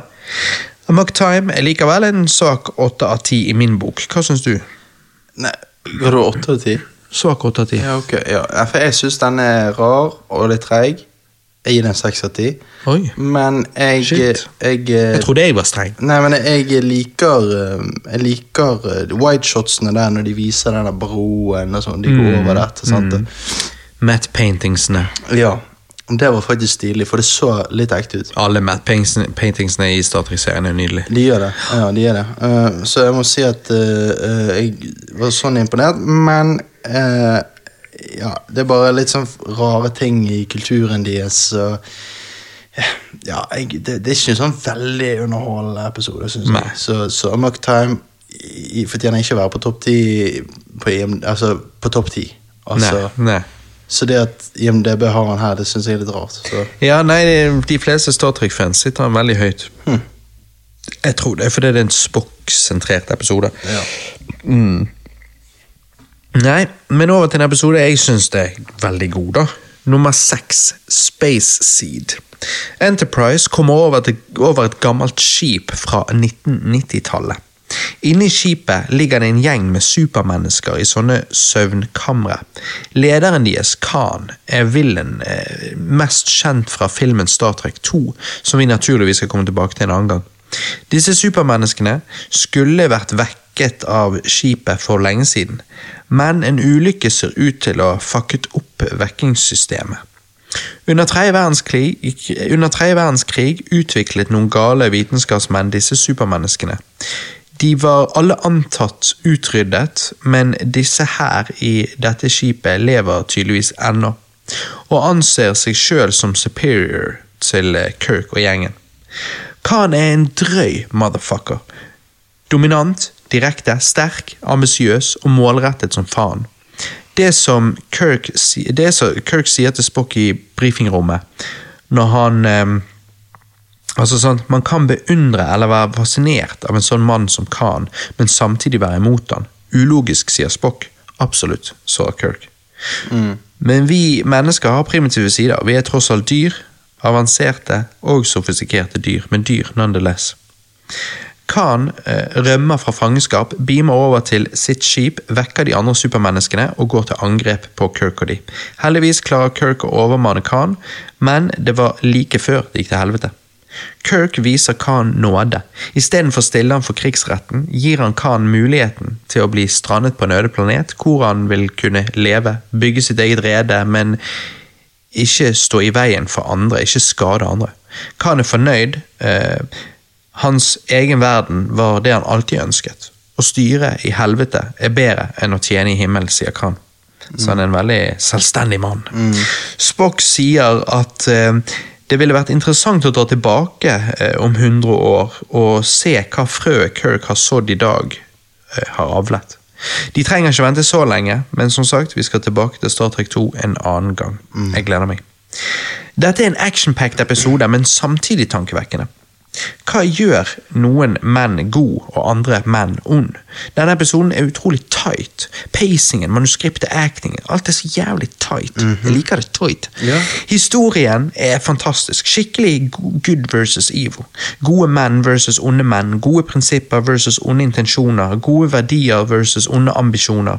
Space Seed er etter min mening en av de beste episodene i den originale serien. Jeg sitter fremdeles til Cage over, men hittil er dette den nest beste. topp ti-materiale, uten tvil. Jeg gir Space Seed en svak ni av ti. Hva syns du om denne, Johannes? Ja, jeg syns uh, Jeg er enig med alt du sa, og eh, Ja, han som spiller Khan, spiller perfekt. Jeg kunne ikke funnet en bedre til å Han spille er, Khan. han er helt fantastisk. Han, han er det, det, Veldig god. Ja, men det er denne her med at de, de begynner å beundre Kirk og mannskap begynner å liksom beundre litt sånn eh, Han er sånn tyrannisk måte å, å, å se verden på, og, og sånn. sant? Ja, Spesielt på måten han bærer seg sjøl på. Ja. Han, er, han har så selvtillit at du klarer ikke å br- bryte den. Nei, du, du blir litt overbevist, liksom. Ja, og du, liksom, du, du, må, du må tjene respekten av det. Sant? Og han, er, han er veldig sånn mannemann. Sant?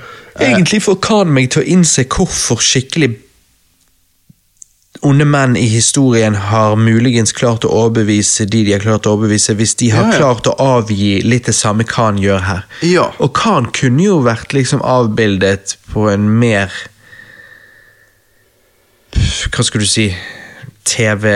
TV-vennlig. Sedelig, TV-vennlig måte, men jeg syns han er avbildet og actet helt fantastisk. Virker så overbevisende som en sånn tyrannisk eh, leder. Ja, ja men fordi det som er interessant med denne personen, er jo det at han er jo fra denne tiden vi lever i nå. Ja. Sant? ja, eller en liten stund tilbake. 30, 30 år tilbake, eller Ja, og så begynner de å snakke om liksom hvordan verden var da. Mm. Og at folk ble veldig arrogante og alt sånt. Mm. Det er jo litt sånn som skjedde i dag. Mm. Så man, det, det er ganske kult å se de på en måte predikte Mm. litt framtiden. Eh, men òg dette her med at det blir mer og mer krig og elendighet og sånn, og så eh, Og så eh, eh, Ja, at, at eh, Khan er maktsyk eh, tyrann, sant, og at han, han men, men, men ja, det er dette primitive i oss mennesker som de, de ser på. altså jeg, jeg gir denne episoden en sterk ni av ti. Jeg Ja, synes det såpass, ja. ja. Ja, jeg, jeg eh, Dette er utrolig god episode. Mm. Eh, så, så Og det Og, og eh, Ja, nei, bare, bare generelt sett. Jeg syns uh, Av alle episodene i Star Trek, så er dette definert, def, definitivt en av de beste. Og mye på grunn av han som spiller Khan. Hadde det ikke vært han, så hadde ikke han kunne vært så høyt. Men, men han spiller veldig bra, og han gir karakteren mye karisma.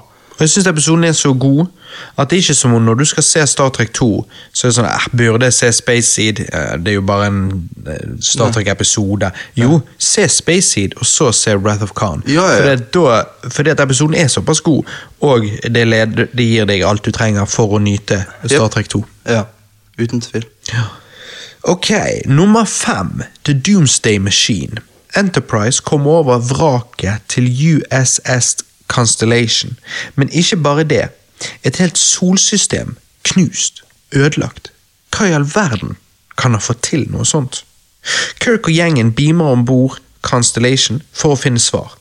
De finner ingen overlevende, men heller ingen lik. Til slutt snubler de over kapteinen på skipet, Matt Decker, i sjokk. Constellation var under angrep. Matt beamet mannskapet sitt ned på den tredje planeten i solsystemet. Han ble igjen, for kapteinen skal gå ned med skipet, men skipet gikk aldri ned. Det som heller skjedde, var at dette monsteret av en maskin rett ut fra helvete spiste opp planeten med 400 av Deckers menn og kvinner. McCoy, sammen med Captain Decker, beamer om bord Enterprise, men komplikasjoner skjer når de blir angrepet av denne planetdreperen, som gjør at Kirk og Scotty er stuck på USS Constellation. Matt Decker tar kommandoen over Enterprise og er fast bestemt på å få hevn, koste hva det koste vil. Kirk og Scotty må få liv i Constellation igjen, så de kan redde Enterprise-mannskapet fra Decker eh, sine lite gjennomtenkte handlinger. Decker blir eh, kastet av broen, men er helt ute å kjøre. Hiver seg i en escape pod og går for et selvmordsangrep på denne planetdreperen. Minner, minner meg veldig om Moby Dick-historien sånn sett. Decker har blitt helt gal. Dør, og for hva? Ingenting. Handlingen hans utgjør ingen forskjell, ser det først ut som. Men så ser de at det utgjorde en liten forskjell, og får derfor ideen til å sende Constellation rett ned i kjeften på planetdreperen for å sprenge Constellation til helsiken. Skal de beames tilbake først? Kirk blir igjen for å detonere Constellation, og så beames tilbake til Enterprise i siste liten. Eller det er i hvert fall planen, men transporteren funker ikke. Klokken tikker, og til slutt, med bare mikrosekunder igjen, kommer Kirk seg trygt om bord Enterprise. Jeg holder legit pusten på slutten der hver gang jeg ser denne episoden. Den, den scenen der er kanskje den mest spennende scenen i hele jævla serien. Eller hva sier du, Johannes? Ja, det, det, det er klimaks. Altså, Det er skikkelig eh, build-up og, og spenning. Fordi at uh, det, det, Den ser jo helt fucked ut, denne maskinen. så det er bare svær hull og bare suger inn. Og, og, og når, Og det at liksom Kirk du, For det, tiden renner jo dønn ut. Du Ja, ja. føler jo liksom Du vet jo at Kirk kunder. ikke dauer, men, eh, sant? men det hadde Ja. vært en måte å gjøre det på hvis han skulle dø. ja, ja, det er jo det. Uh, så uh, For det, dette er en ren action-packed episode. Men er etter min mening er dette den beste action-episoden. Jeg er litt usikker på om jeg liker Spaceseed bedre enn denne episoden. De er ganske like for meg, men jeg tror kanskje jeg liker denne litt mer. Jeg gir derfor Doomsday Machine 9 av 10. Ok, for jeg gir det 8 av 10. Men jeg, jeg digger denne episoden òg. Men jeg, altså, det, dette er jo på en måte bare action. sant? Og så hater jeg han her eh, Han eh, Decker. Decker. Jo, men det er jo poenget, Jo, men det er jo poenget. Jo, men du, blir så irritert på Ja, ja, ja. Så, så derfor er det sånn eh, og så- men og så er det litt sånn rart og når de beamer seg om på det skipet. Hvorfor har ikke de på seg gassmasker? eller noe? Så, eller Hvorfor har de ikke på seg sånn maske? Ja, Ja. når de beamer seg om For det er jo hull i det skipet. Og, Ja, jeg vet det. Men det er vel det at de beamer seg til steder som fremdeles er intakt. Jo, jo. Ja. Der det ikke er hull, liksom i skroget. Ja.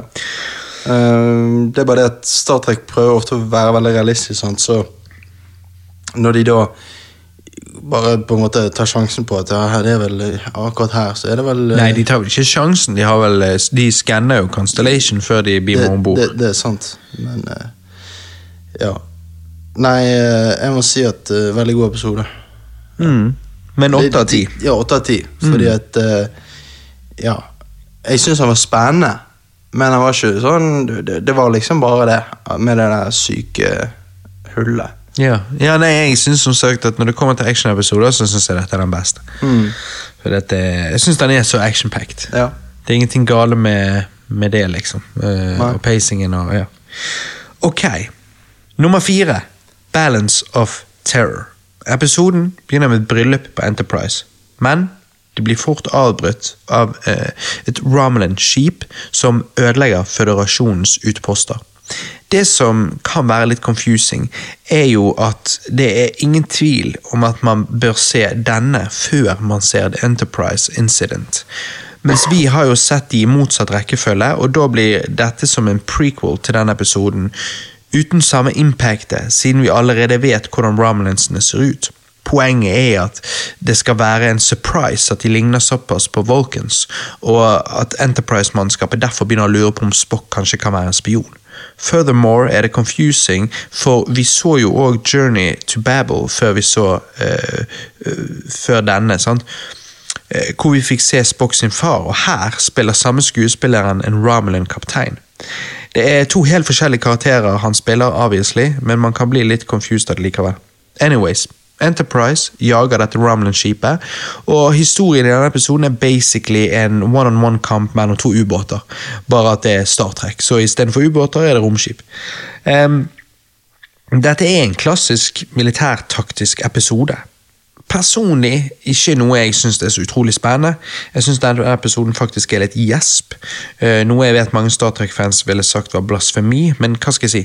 Jeg syns ikke sånne gamle ubåtkamper er særlig spennende. Og så irriterer det meg, at eh, vi aldri får noe svar på hvorfor Romulansene angrep disse utpostene. Det faktum at de gjorde det, skulle jo teknisk sett eh, vært starten på en ny krig, men det blir liksom ikke noe av. Hvorfor? Det aner jeg ikke.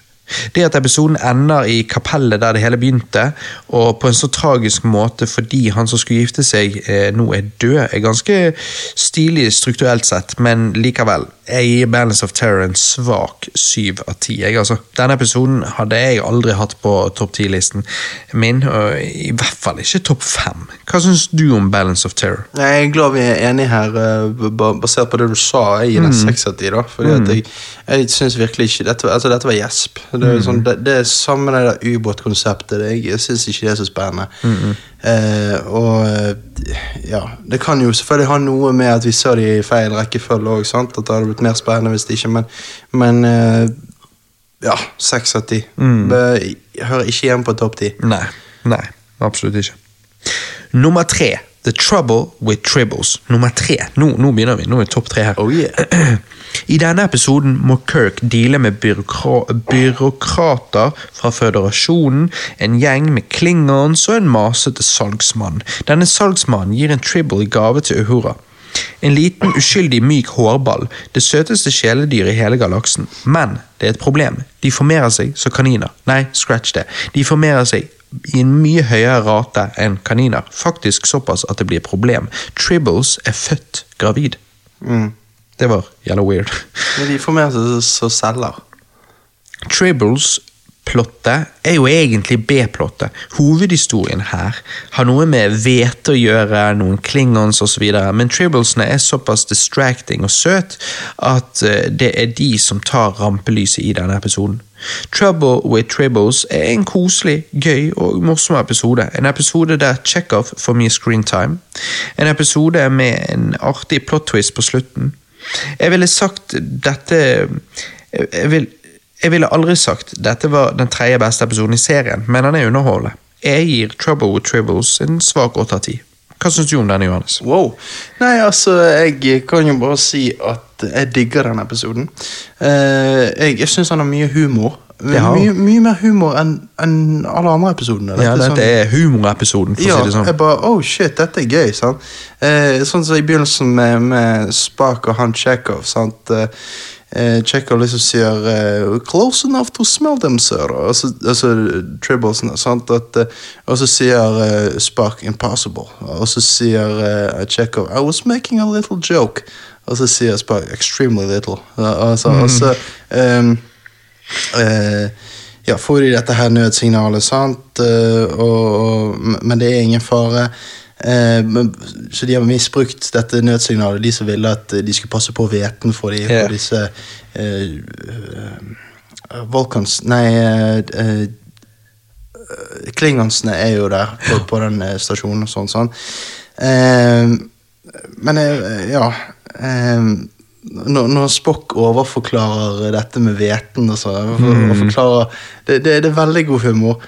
Um, eh, også når de, de, denne her barscenen, når de sitter der på baren og disse, disse eh, Faen, hva er Klingons. Klingonsene eh, liksom eh, erter seg inn på, på Chekhov, sant? Ja. og Scott liksom bare sier Nei, du må ikke liksom De snakker skit om Kirk, sant? og Scott er liksom bare Ro deg ned, sant? Det går ja, ja. fint. Og så når han begynner å snakke om Enterprise-skipet, da er Scotty bare Fy faen, nei, dead nå. reiser seg, og så begynner det slåsskampen. Han elsker jo Ja, ja. Enterprise mer enn noe annet. Ja, eh, og så når han må forklare dette senere til Kirk, sant? for Kirk liksom bare eh, Så det var Tsjekko som begynte å, å slåss, og han bare eh, Ja, men jeg prøvde å stoppe han, skjønner du.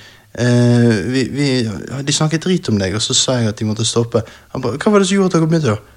Eh. He was talking down about the, uh, the Enterprise, her. Altså, da, og så, han liksom bare, så var det som gjorde det, men når de snakket til meg, så brydde du deg ikke. Okay. Mm.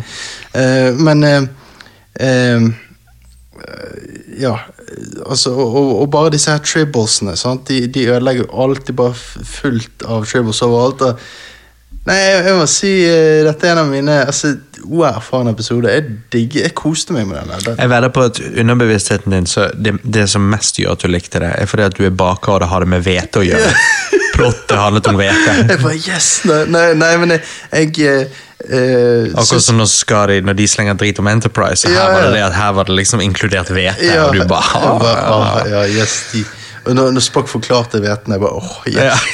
Nei, nei, men eh, sånn, eh, Jeg liker han her som selger Tribble, sant? Ja. for han er jo en svindler. Sant? Men, men eh, når han skal inn på baren, og så får han seg en drikke, og så begynner alle å slåss, og han liksom går forbi, og alt sånt. Det er veldig sånn komisk. Det minner litt om uh, Helan og Halland og Charlie ja, Chaplin og Ja, og, og, og, han der eh, De der eh, to karene som eh, Det der med huset som faller ned, og så treffer det akkurat ikke deg. Det som Johnny Knoxville var inspirert av. Ja, eh, det er ikke to kar, det er jo én kar. Er det det? Buster Keaton. Det er Buster Keaton, ja. ja, ja han. Det er veldig sånn eh, Det, det er både Slapstick, men Det er begge deler. Det er slapstick og det er, det er fysisk humor, og det Ja. er verbal liksom, manuskripthumor. Ja, jeg vil si elegant og tidløs slapstick, på en måte. Mm. Um, og, og ja um, Ja, for han går igjennom den baren mens alle slåss og prøver å ikke søle drikken sin. Ja, sant. Så han ender jo opp med å måtte plukke tribbles i 17 år fra Enterprise. Og var ikke det mer enn det? Eh, nei, 17 år. Ja, ok, ja. Eh, men altså, det, det, fy faen, tenk hvor mange tribbles du da må Ja. eh, plukke. Eh, så Nei, jeg gir dette en sterk, sterk ni av ti. Nesten ti av ti. Oh, wow! Ja, for, for meg Shit. er det det. Jeg ga det svak åtte av ti. Ja, jeg, eh, Jeg syns den er bra, liksom, men helsike. Tenk å ha hatt- en tribble. da. Altså, eh, du hadde jo ikke oh, Jeg har bare hatt én. Mange, Alex men- har en på nøkkelhanken. holdt Har, hun det? Ja. Ja, jeg må se på den etterpå. Men eh, nei, altså Ikke at det nødvendigvis skal være en tribble, men det er ser jo dønn ut som det. Ja. Um, for tribblesene minner meg om en gremlin sin venstre testikkel. Da, da får jeg litt sånn gremlin-vibe. Det var veldig stor Jeg nei, jeg minner ikke om gremlin-testikkel, i så fall Ja, Magway-testikkel. ja Magway, da. Ja, ja. Jeg veldig, veldig kos. Du og testikler, du ser testikler i, i Star Trek hele tiden, Jeg, jeg, du. jeg gjør det. Jeg gjør det. Jeg ser et theme her. Jeg ser hva de har prøvd å få fram. Oh, ja, ja, det er, ikke, det er ikke deg det handler om. Det er, ikke, du, det er ikke du som har et problem, det er Star Trek. ja. Ja. det er jo de som lager det. Nei, side note, da. I Star Trek Deep Space Nine-episoden Trials and Tribulations eh, reiser de tilbake i tid og ender opp i denne Trouble with Tribbles-episoden. Trials and Tribulations er faktisk ranket som den nest beste Deep Space Nine-episoden ifølge IMDb, så check it out. og jeg tenker, hvis du liker eh, denne episoden så godt, så tror jeg du kommer til å digge den Deep Space Nine-episoden. Og jeg tenker når vi kommer dertil i Star Trek-serien, on cast, så, eh, så blir det spennende å høre hva du syns da om den. Ja, jeg, jeg er veldig spent på den. Mm. For Hvis det er mer tribbles jeg kan få, da tar jeg det. Ja, nei, det, det er liksom De reiser i tid, så de må kle seg opp, og de, de har klart å på en måte Litt sånn som de gjorde i Forrest Gump, når de klarte å greenscreene Tom Hanks inn eh, med tidligere presidenter og få det til å se autentisk ut. Så klarer de her med den Deep Space Nine-episoden å få Deep Space Nine-crewet til å se ut som de egentlig var i den episoden. Ja, ja, Eh, nettopp. at de sitter i bakgrunnen når den barfighten skjer, eller de står i døråpningen og ser eh, Chekhov der og der. Altså liksom, Ja, okay. De, de, de gjelder stilig, så de integrerer Deep Space Nine-crewet inn i denne episoden som om de alltid har vært der. liksom. Ah, nice. Det, det, det er meg til. Ok, nummer to. Mirror, Mirror. Kirk, McCoy, Scotty og Uhura beames opp fra en planet under en ion storm og havner ved et uhell i et parallelt univers i en annen dimensjon. Om bord et bakvendt Enterprise som drives av nådeløse barbarer. Basically Star Trek i bakvendtland, der Starfleet er som The Klingon Empire. Kirk og gjengen må finne veien hjem til sin egen dimensjon, men hvordan? Ah, mysteriene bare slutter ikke å komme. Damen til Kirk i dette parallelle universet, Marlena Marlena, Marlena Anyways. Malina Malene. Eh, eh, jeg vet ikke hva det var av de, men i hvert fall. Eh, hun er, litt av en hot baby, da. Det er hun. Den originale Star Trek-serien har overraskende mange hot babes i seg, faktisk. Ja, og, og, og veldig sånn eh, elegante kvinner, kan du si. jeg, jeg, liker, jeg liker hva stil de hadde på den tiden. Ja, ja. Nei, ehm, Etter mye om og men finner de en eh, måte å returnere til sitt eget univers på, og jeg syns det er spesielt kult på slutten når Kirk inspirerer denne Mirror-versjonen av Spock til å starte en revolusjon i sitt univers. En revolusjon for å oppnå frihet, siden fallet av imperiet er uunngåelig, og siden Spock allerede vet hvor mange år det er til shit hits the fan. Hvorfor vente når du kan være en del av forandringen, liksom? sånn? Mirror Mirror er en veldig god episode. Litt av et eventyr. Høye stakes, mye double crossing, og dette parallelle universet er en sykt kul idé, syns jeg. Og det var jo noe som ble med videre i serien en del òg. det er ikke et kjedelig øyeblikk i hele denne episoden. Tiden flyr, og det er alltid spennende. Jeg gir Mirror Mirror en sterk åtte av ti, eller kanskje en svak ni av ti. Noe i den dur. Hva syns du om episoden, Johannes? Ja, jeg gir det en sterk åtte av ti. Ja. Altså, det er, det er bra.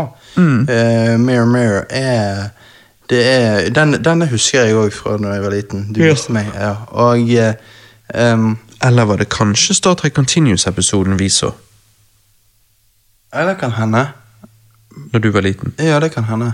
For vi drev jo så igjennom de når de ble gitt ut. 2013-2014. Ja. Anyways, den kommer vi til etterpå. Ja, Men ja.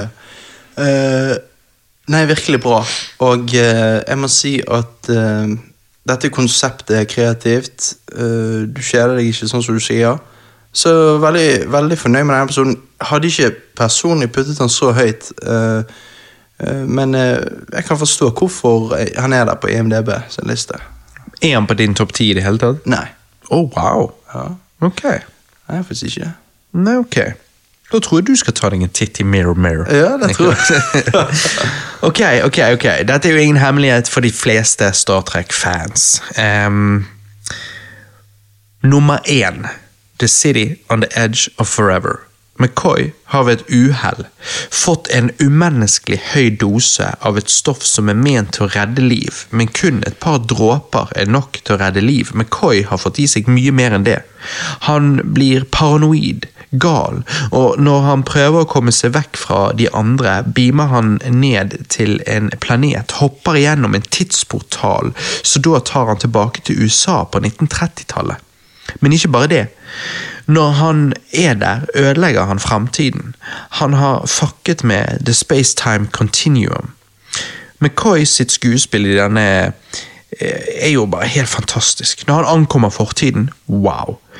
Kirk og de er, De har ingen valg enn å hoppe gjennom tidsportal etter McCoy eh, og, og fikse det han ødela. Men det skal vise seg å ikke være så enkelt. Som i alle gode tidsreiseplott oppstår det komplikasjoner fordi Seff, Kirk, blir forelsket. Og ikke bare i hvem som helst, men nettopp hun som må dø for å fikse The Spacetime Continuum. Jeg elsker jo Star Trek, og favorittfilmen min of all time er Back to the Future. Så jeg liker naturligvis denne episoden veldig godt, siden det er basically a mix of both. Historien er god, actingen er knall, og jeg må si episoden er kanskje ikke sommer, sol, fargerik. Shit, denne er satt under The Great Depression, men likevel, det er noe sjarmerende med en enklere tid. På mange måter kunne jeg ønske jeg kunne levd i denne episoden, sånn som jeg har nevnt eh, tidligere om andre episoder. Ikke nødvendigvis 30-tallet, men du vet 50-tallet til, tilbake i tid. fem, 50 år tilbake i tid, når Star Trek først kom på TV, kanskje. 1960-tallet. Jeg har alltid tenkt at uh, hvis tidsreising var mulig, så hadde det å drive tidsreiseferier vært en genial ting. Oh yeah. Tenk, tenk om du kunne tatt deg en uke eller to tilbake i tid. Anyways, nei. Jeg gir The City on the Edge of Forever 9 av 10. Dette er en koselig, spennende og underholdende episode. Hva syns du om The City on the Edge of Forever? Den episoden majoriteten av Star Trek-fans Ja. mener er liksom der oppe. Mm. Ja, jeg hadde jo veldig høye forventninger når jeg skulle se denne episoden. Og det er ikke bra. Nei. Fordi at nei, Det er det jeg og første gangen jeg så han Sant. For ti år siden. For jeg tenkte ok, dette sies å være den beste. ok, Da bør den være fucking good. Så når, vi da, når jeg da begynner å se den, så er det sånn ok um, Kanskje litt overacting av McCoy. Jeg er Nei, at han er jo blitt gal. Jo, jo. Ja. Han er blitt gal, mann! Ja, ja, Han ja han, han, han er sånn, og så er han sånn Jeg vet ikke.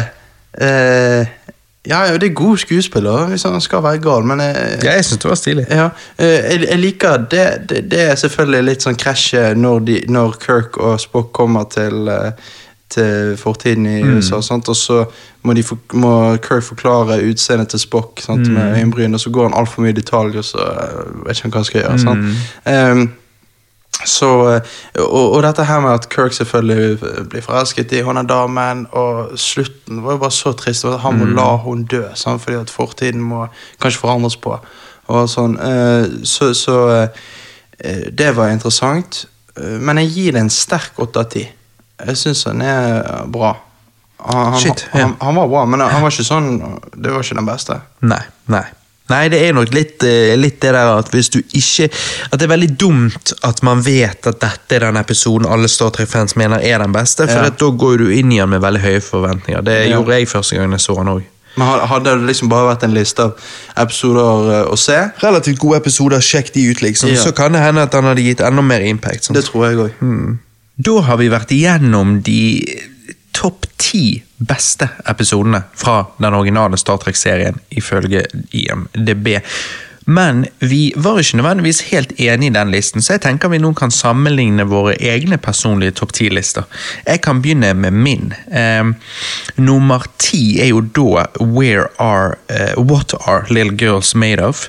Og nummer ni Where no man has gone before. Nummer åtte The Paradise Syndrome. Nummer syv The Cloud Miners.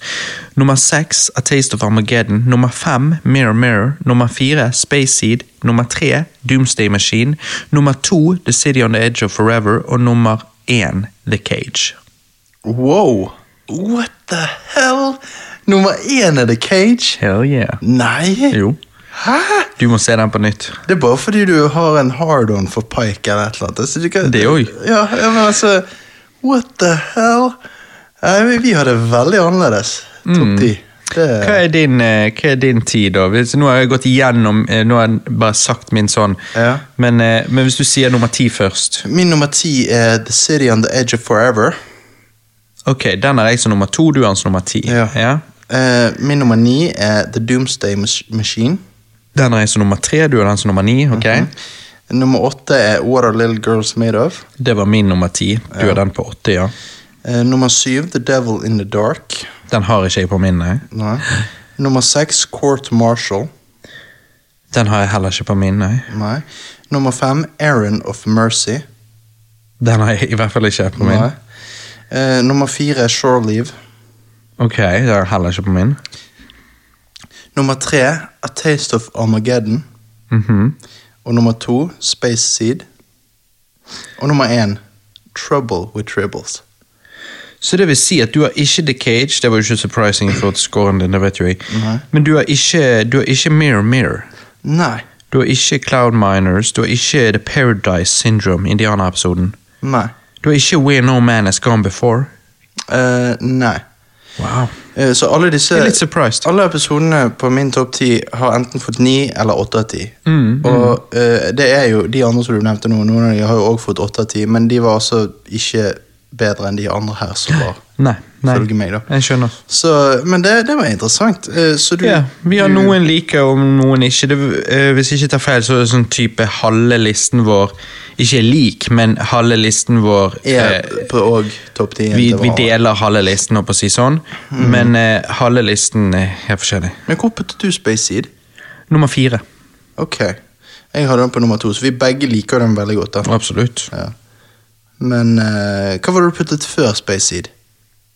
Eh, på nummer fem, liksom. Nei, nei, nei, eh, jeg, jeg mener etter. Altså som i over. Ja. Ja, The Doomsday Machine, The City on the Edge of Forever og The Cage. Eh, ja, nei, The City on the Edge of Forever Den er jo ikke bedre enn Space Seed. Hallo, altså. Jo. Hæ? Altså Akkurat nå føler jeg, når jeg sitter her, så tenker jeg om Spacey det er jævla bra. Men, eh, Ja, sant. Ja, men jeg syns jo The City on the Edge of Forever er ganske bra òg. Ja, den er ganske bra. Er Eller veldig 10. bra. Nummer ti, nei. ja, men du har ikke Aaron of Mercy, faktisk. Nei, det var boring. Hva var det jeg ga den, da? Fire av ti? Ja. Ja, nei takk. Men A Taste of Armageddon, hvor har du den? Nummer tre? Nummer seks. Nummer Hvorfor tre har Doomsday Machine. Vi har vært Ja, igjennom men hvorfor dette. du ha Hvorfor har du A Taste of Armageddon på nummer seks? Det er jo Altså Fordi at jeg har mirror mirror over. Virtuell Du har jo ikke mirror mirror der engang. Nei, men virtuell krigsføring er mye bedre enn Mirror Mirror. Nei, nei, nei, nei. nei, Det er mye mer kreativt konsept. Ja, og det er greit nok, men på, ja, okay, Mirror Mirror, actingen i Mirror Mirror er jo helt fantastisk, og konseptet er helt fantastisk. Parallelt univers der de er totalt motsatt. Jo, men jeg, jeg hadde ikke Jeg hadde brukt lang tid på å komme på konseptet til A Taste of Armageddon. Altså, jeg hadde Jo, liksom jo, men det er jo fordi at You know. Nei, men Mirror Mirror, altså her har vi Altså her snakker vi liksom ah, Her får vi se Enterprise som det totalt motsatte av det det er. Parallelt univers. Drevet av barbarer istedenfor liksom menn med, med gode verdier. Altså, Jo, jo. Det er jo veldig interesting. Det er liksom good versus evil, og de må finne tilbake til plassene sine. Sant? Men det er liksom ikke noe jeg føler liksom ikke det er noe dypere enn det. Altså, med Taste of Armageddon så er det bare sånn å, her er det mye du kan gjøre med dette konseptet. Her er det Ja, du, det er ikke mye du kan gjøre med Mirror Mirror-konseptet. Jo, det er jo det, men det, det, det er mer du kan gjøre med Taste. Nei, nei! Du kan ikke gjøre mer enn de gjorde i den episoden. Det var det. Ja. Nei, Mirror Mirror er jo bare sånn, Det åpner jo opp Star Trek til å liksom bare sånn Wow, ok, så da kan jo vi ha Kunne teknisk sett hatt en Mirror Mirror-serie. ok, men hva, er det filosofiske i uh, Mirror Mirror? Hva er Det, det, eh, eh, eh, eh, Hallo? Han, han, her prøver jo Kirk å inspirere Spock til å starte en revolusjon. Fordi at å drive eh, eh, eh, ting på den måten som imperiet gjør i Mirror Mirror-universet, eh, er doomed til å feile. Eh, fordi at eh, demokratiet is the only way. Freedom. Ja. ja, ok. Ja, jeg ser den. Og hva er Hva er eh, filosofiske konseptet i Skal du først krige, så må du faen meg krige. ja, og, hva, ja, hva er konseptet i Trouble, Trouble with Tribbles? None. Eller liksom, det er bare det, Ja, det er derfor den ikke er på topp ti. Jo, men det, det, det, er humoren, det er det eh, det er, er underholdning. Jeg er Mm. liksom sånn ah, ja, Apen underholder meg, sant? jeg liker det. Sant? Ja. Nei, men det er bra, da. Så det, det, det du sjøl prøver å si, at du er enkel. Nei, nei, nei, men jeg, jeg, prøver, jeg prøver å si at jeg liker eh, mer sånn eh, Når det er tydelig hva de prøver å si, og, og, og, og det er gjort med, med stil, og det er vittig, og det er pacing. Og det føler jeg eh, Trouble Troubles har. Så eh, De prøver jo ikke å si noe i den. Gjør de det, da? Nei, det var, Nei, nei, det, var det jeg sa at de ikke gjorde. sånn. Ja. Men, men, at, at de, men, eh, men du verdsetter altså Hva var det på nummer én igjen? The Cage. Ja. ja. The Cage, ja, ja. Uten The Cage hadde ikke vi hatt none of this shit. Nei, nei, men hva? Så derfor skal du bare gi Cage uh, all ære? Derfor. Ja, absolutt. Ja, ja, ja. Absolutt skal jeg gi all, Jo, all skal gi ære. den ære, men eh, det vil ikke si at det er den mest underholdende Star Trek-episoden. Nei, det er bare det at det er veldig flaks at det òg er det. Det er begge deler. Ja, ok. Ja. Nei, hm. Nei, jeg føler, jeg føler min topp ti-liste her er liksom endelig. Ja, nei, Veldig sånn Jeg, legit. Ja, jeg føler at dette som Hvis du skulle hatt en fasit på det, så er det min topp ti. liksom. Ja, ja, med Aaron of. Mercy, gjesp. Ja, nei, Den er jo ikke gjesp, det er jo Du, mysteriet. ja, men, du- ok, vet du hva? Jeg kan si en ting. Kan, bare fordi at jeg vet hvordan Star Trek-fans er. Min liste hadde nok mye mer blitt akseptert enn din av én enkel grunn. Mhm. Min har Doomsday Machine på nummer tre, og han har Mirror Mirror. Og han har ikke The City Age of Forever på nummer ti. Bare av den grunn. Fordi at, altså, Star Trek-fans, hvis du sier Nei, jeg har ikke Mirror Mirror på min topp ti engang, så er jo du egentlig kastet ut av The Nerd Convention. ja, ja, altså det, det kan Da må du gå ned og henge med The Chads. Jo, men, det eneste som redder meg, det er det at uh, jeg har jo Trouble with Troubles nummer én. Spacesuit er veldig høyt verdsatt. Taste of Armageddon òg. Og så kan noen kanskje noen litt sånn wacky, geeky eh, Star Trek-fans liksom Eller alle Star Trek-fans er vel geeky, men altså, noen litt sånne weirdos. Sånn, å, Shirley, du har den? Oh, nice, jeg liker visst den. Underrated og alt sånt. sant? Jo, men det er bare det at da ender du opp med å sitte og spise på bordet med de andre ukule i en ukul convention. På Star Trek-convention så er du liksom outsideren Ja, ja, som sitter ja. borte og spiser med de andre nerdene som òg digger Shorley. Ja, sant, ja. Nei, det, det blir Det kan Det er liksom det at Du kunne jo ønske deg sånn som McCoy, kunne ønske deg lettkledde damer, så får du det. Ja, det er sånn. Og så sitter dere og snakker om det, mens vi andre sitter og snakker om det filosofiske bak The Cage, The City on the Edge of Forever, og hvor bra uh, Moby Dick-versjonen er. Ja. Doomsday Machine er. liksom. Sånn. Ja, nei, liksom bare eh, Ja, få McCoy til Få. McCoy til å overacte, så, så bare digger jeg det. liksom City on edge forever. Nei, det, det er så og så hva var det du sa? Do- Doomsday Machine? Yeah. ja Alt handler om at de må unngå å komme inn i det der hullet. Altså, uh, nei, ja Nei, de må jo stoppe hele greia. Jeg sier det. S- Altså, min topp tre er solid. Trouble of Tribbles, Nei. Space og Taste for Mageddon. Nei. Taste of? Armageddon er jo egentlig litt sånn honorable mentions, ville de fleste sagt. Ikke jeg. Jeg har nå på topp ti. Ja. Og Trouble with Tribbles er jo òg litt sånn honorable mention-opplegg. Vent litt, sa du at den er din nummer én? Ja. Det er jo faen meg helt insane. Jeg, Det, det var den jeg, var, jeg koste meg mest med, og jeg kommer til å se om igjen om igjen. Wow. Ja, jeg likte den, altså. Altså, Han er artig, men han er jo ikke topp ti-materiale. Det at han er din nummer én, what the hell? Men Doomsday-maskinen er jo ikke så underholdende som folk skal ha det til. Jo. Men tingen er at din nummer én ikke på min topp ti. Min nummer én ikke på din topp ti. Ja, for din nummer én var, var The Cage. Ja. Hvor hadde du Mirror Mirror igjen? Nummer fem. Ja. Ja. Hm. Nei, det er det. Der har jo jeg Aaron of Mercy, så der ser du at det, der har ikke du på topp ti. Nei, gjesp. Vi har, vi har forskjellig taste. Ja. men noen er vi enige om. Mm. Sant?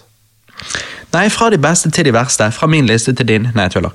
Fra, fra de beste til den verste. Spock's Brain sies av Star Trek-fans flest å være den teiteste og dårligste Star Trek-episoden i den originale serien. Episoden handler om at en mystisk inntrenger på Enterprise har stjålet hjernen til Spock. Så McCoy må holde Spock i live mens Kirk finner tyven. Jeg syns ikke dette er den dårligste episoden i det hele tatt. Han er dritteit, absolutt, men likevel underholdende. Det finnes flere episoder som er dritkjedelige. Dønn sovemedisin, Aaron of Mercy, for eksempel. Nei, Johannes. nei. Um, nei, men sånn Det er de som anser det, det er de jeg anser som de dårligste, de som er kjedelige og dønn sovemedisin. Mens denne er gøy, likevel han er steinteit. Kanskje noen ville sagt so bad it's good, jeg ville bare sagt cheesy popcorn-underholdning, liksom. Jeg gir Spock's Brain seks av ti. Jeg syns det Ja. Nei, hva, hva syns du, Johannes? Ja, om den såkalte dårligste episoden? Jeg er egentlig helt enig med deg. sant? Uh, episoden gir jo ikke noe mening. altså. Du kan, det er jo umulig å holde liv i en kropp uten hjernen, men, uh, men eh, selvfølgelig det, De gjør jo litt ut av det med at han kommer til å dø hvis de ikke får hjernen hans. Altså? Og, eh, men eh, ja eh, De snakker med Spock sin hjerne, sant? Eh, Spock hjelper McCoy å operere inn sin egen hjerne. Det er jo litt kult, men det er en veldig rar episode. Jeg har gitt den fem av ti, men jeg syns ikke han er den dårligste. Sånn, Nei, for du- han, er, han er jo fortsatt bedre enn The Cage. Så, men jeg syns at uh, han er uh, veldig Nei, nei, nei da, men sånn uh, Men vet du hva? Han er Dette er jo sesong tre, sant? Ja. Der begynte det å gå nedover. Oh, ja, absolutt. Ja. Nei, plottet i Spock's Brain høres jo ut som noe som heller jeg hadde forventet av det animerte serien. Noe et barn kunne kommet opp med, liksom. Noe som hadde passet der. Ja, Og så er det ingen Det er ingen filosofigreier her. Nei, nei, nei. Absolutt ingen. Så det er bare La oss lage et eh, sært og snålt plott. Jo, men det føles som, som en live action-versjon av en eh, episode fra animerte serien. Ja. Når vi snakker om den animerte serien, noen år etter at Star Trek ble tatt av luften, kom serien tilbake i animert form. Den animerte Star Trek-serien er uten tvil den mest oversette serien i franchiset. Når fans lister opp alle Star Trek-seriene, glemmer ni av ti fans å nevne den animerte serien. Noe som egentlig er litt rart, siden det basically er en ny sesong av Classic Trek med Men- men- Kirk, Spock McCoy og resten av Enterprise-mannskapet, i tillegg til at den animerte serien er den eneste Star Trek-serien som har vunnet en Emmy. Oi, shit. Men, men sier du at eh, ni av ti Altså, Har de forsket på dette? Er dette en ekte statistikk? Nei, Nei, ok. jeg drar den ut av ræva. Ja, ok, Det hørtes ut som det var ekte. Det er bare det at veldig mange når jeg sjekker opp liksom topplister, eh, topp top Star Trek-serier-lister, så er det veldig mange som ikke nevner eh, The Animated Series engang. Ja, det er jo en shame. Animasjonsstilen er naturligvis old school og stiv, altså hvis du ser serien nå, men stil var helt vanlig for sin tid. Og likevel animasjonsstilen er old school og stiv, så passer en sånn stil Star Trek ganske bra, egentlig, i forhold til et mer action-packed show med mye bevegelse. Star Trek er jo en serie hvor folk står mye av tiden på broen av Enterprise og jabber, sant? så det blir ikke så rart når det er animert. Sjøl ikke med denne 70-talls animasjonsstil, tenker jeg, da. Eh, Den animerte Star Trek-serien er veldig lett å fordøye, siden lengden på episodene er halvparten av lengden i live action-serien. Målgruppen var nok barn, og eh, det er ikke like mange gode episoder her sammenlignet med den originale serien, men de som er gode, er gode. Vi skal derfor ta en titt på noen av de beste animerte episodene. Så la oss begynne med oppfølgeren til Shoreliv, episoden fra den originale serien. Eh, oppfølgeren heter jo da Once Upon a Planet. Enterprise returnerer til fornøyelsesplaneten de besøkte i Shoreliv, og likevel planeten kunne se ut til å være truende sist, er det ingenting sammenlignet med denne gang. De som drev denne fornøyelsesplaneten før, er nå død, og maskinen der som genererer disse fornøyelsene, styrer showet alene. Maskinene eh, Nei, maskinen har gått amok, og Enterprise-mannskapet står i fare for å virkelig bli drept. Denne gang permanent. Det som en gang var et paradis, har nå blitt et helvete. Mm. heldigvis, ja, heldigvis ordner alt seg til slutt, og likevel endingen kanskje er litt simpel, så syns jeg det er koselig. Litt sånn feel good, liksom. Hvordan Kirk og gjengen klarer å hjelpe denne fornøyelsesmaskinen til å se sin mening i livet. håper jeg. Hvordan de hjelper maskinen til å endre perspektivet sitt. For livet handler ofte om nettopp det, hvordan du velger å se ting på. Den klassiske, du vet, glasset halvfullt eller halvtomt. sånn. Det er òg kult å se hvordan de i den animerte serien kan gjøre ting de ikke kunne gjort tidligere. I hvert fall ikke på en god måte i den originale serien, som eksempel å ha andre aliens enn bare Spock som en del av Enterprise-mannskapet. Hvordan de kan eh, ha et tohodet drage nede på planeten som jager de og den type ting. sånn. Ja. Jeg syns som sagt em, Once Upon a Planet er gøy, koselig og tankevekkende nok for å være en episode hovedsakelig ment for yngre seere. På mange måter syns jeg faktisk oppfølgeren til Shoreliv her er bedre enn Shoreliv sjøl. Jeg gir Once Upon a Planet en sterk syv av ti. Hva syns du om denne episoden, Johannes? Du som liker Shoreliv så mye. Du må jo ha blitt litt overrasket når jeg fortalte deg at eh, det fantes en oppfølger. Ja, det ble jeg, og jeg må si jeg hadde veldig høye forventninger når jeg skulle begynne på denne serien. Eh, fordi at eh, jeg hørte at han var underrated og sånn, og at eh, jeg eh, visste litt om han fra før av. sant? Jeg visste jo om animasjonsstil og sånn, og den syns jeg er ganske kul. Selvfølgelig det er jo litt sånn, som du sier, stive bevegelser og sånn, men det er fordi at de det er bare sånn stil er. De, de, de har ikke sånn at de, du kan se de beveger seg. Da er det litt sånn Ja, de står i ro, og så Ja. Eh, men eh, jeg må si at eh, jeg liker det at de fortsetter med Alice in Wonderland-teamet. sant? Og dronningen er der og sånn. Uh, og jeg syns det er veldig kult at de har faktisk stemmene til originalcrewet. Mm. Mm. Absolutt. Det gjør at det føles som en fjerde sesong. på ja, sant. Kirk, da Kirk, Spock, og så har du Zulu sammen med denne OK, sir. Sant? Og, sånn, han, han veldig sånn. og jeg syns animasjonsstilen f- Altså, De prøver å liksom få de til å ligne òg. Uhura og Zulu og sånn. Så eh, Ja, de klarer, de, de, du ser at det er skuespillerne. Ja, ja, Det ja. er liksom, ja. Litt irriterende denne her eh, purringen til hun kattedamen på broen. Ja. Og Hun sier 'OK, I'll do that, sir'. Gjør sånn For hver ting hun sier, så Mm. sier hun noe sånn purringgreier. Det blir litt irriterende. Men kul ending når de diskuterer med maskinen. Mm. Ja, helt enig. Eh, og, så jeg gir den uh, sterk syv av ti. ja, så da er vi like, da. Ja, det var det du òg ga den? Ja. ja. Mm, nei, jeg er positivt overrasket over Once Upon a Planet. altså. Det er litt Så- gøy at Shorelive har en oppfølger, da. Ja, men bedre Jeg vil, så, jeg vil si sånn at jeg digger begge to. Men så har vi The Time Trap. Enterprise og et eh, Klingon-skip forsvinner inn i Delta-triangel, litt som Bermuda-triangel, men i space. Kirk og Klingon-kapteinen står plutselig foran et råd som består av et dusin forskjellige alien-raser. Kirk spør rådet om de er i et eh, alternativt univers, og eh, hun som snakker på vegne av rådet, beskriver det mer som en lomme i tidens klesplagg, kan hva enn det betyr. Ifølge rådet er det umulig å flykte fra dette stedet, men det aksepterer naturligvis ikke Kirk. Nå må Enterprise-mannskapet og Klingonsene samarbeide for å komme seg hjem igjen. Jeg syns denne episoden var veldig gøy. Som sagt, Det at lengden på disse animerte episodene er halvparten av lengden på live action-episodene, gjør at pacingen blir mye mer tight. Det er ikke et kjedelig øyeblikk her, liksom. Nei, jeg, jeg syns historien i The Time Trap er veldig kul. Jeg gir The Time Trap en svak åtte av ti. Hva syns du om denne, Johannes? Jo, jeg, jeg syns uh, uh, Hva var det du sa det ga an? Svak åtte av ti. Ja, ok. Ja. Hm. Jeg likte ikke han så godt, uh, men eh, Ja, altså, dette med, med, med Klingonsen er kult. Eh, men Og så syns jeg eh, at eh, det er litt vittig, for han ene klingonen da, akkurat som begynner å, å, å rappe på et sekund. For han sier, Ja. Nei, han sier sånn Your willingness to work with old enemy Kirk. Han, han sier ikke det sånn, men, men når, eller når han snakket det, så bare plukket jeg det opp og sånn Å ja, shit, det høres ut som han begynner å rappe. Så gikk du rett i boothen, Ja.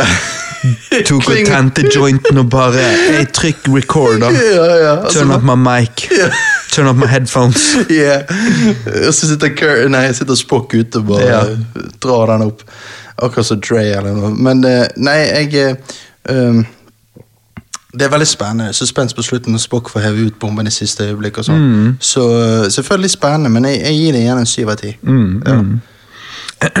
Nei, men den siste, da. Ja. Sant? Til slutt. Yesteryear. En delvis oppfølger til City on the Edge of Forever. Altså som i at episoden tar oss tilbake til den tidsportalen fra den klassiske episoden der. Yesteryear starter med at Kirk og gjengen kommer tilbake fra en tur i fortiden. um, men det viser seg at ingen kjenner igjen Spock. Noe under turen i fortiden må ha forandret historien. I, den I denne nye tidslinjen døde Spock når han var syv år gammel. Spock må derfor dra tilbake til sin egen fortid på Volken for å forhindre sitt eget dødsfall, sånn at den originale tidslinjen kan bli restored. Johannes, la du merke til hva det brølet til Monsters angriper lille Spock var for noe? Nei. Det var det klassiske Godzilla-brølet fra de gamle japanske filmene. Åh? Jeg syns det var litt eh, Det vittig.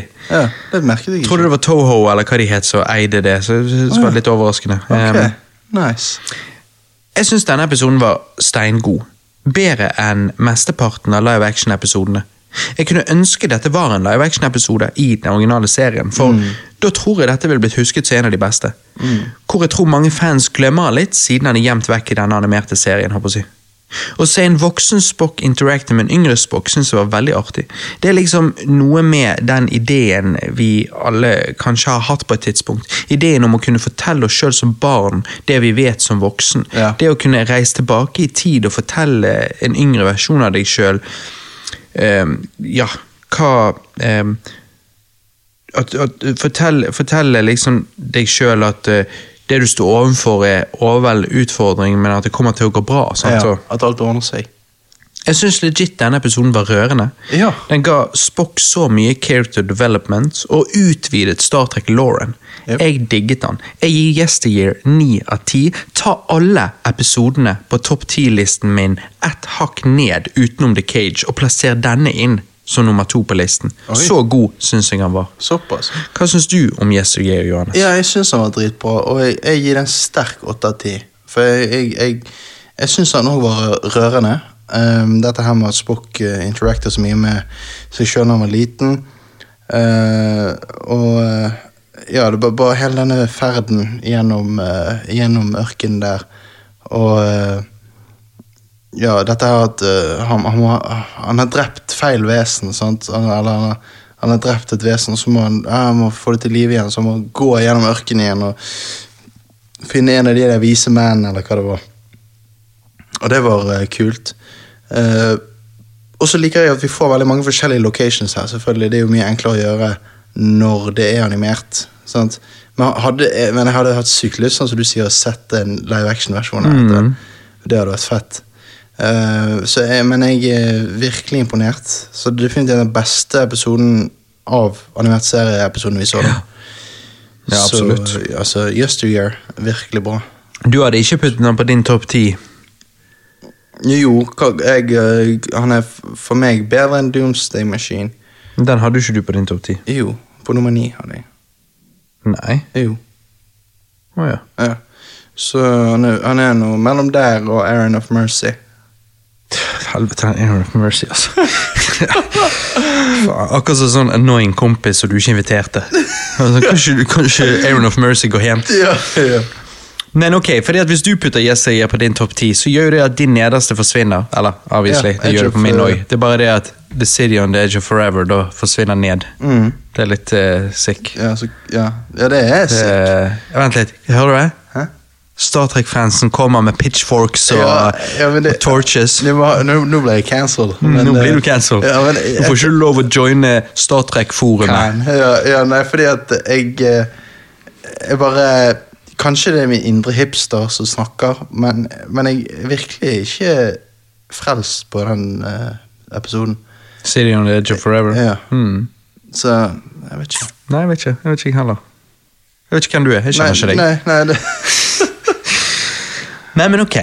Hvis du er interessert i hva som skjedde med Star Trek etter den animerte serien, eh, men før filmene og eh, de neste Star Trek TV-seriene, så anbefaler jeg, eh, kjære lyttere, anbefaler jeg dere en bok jeg har lest.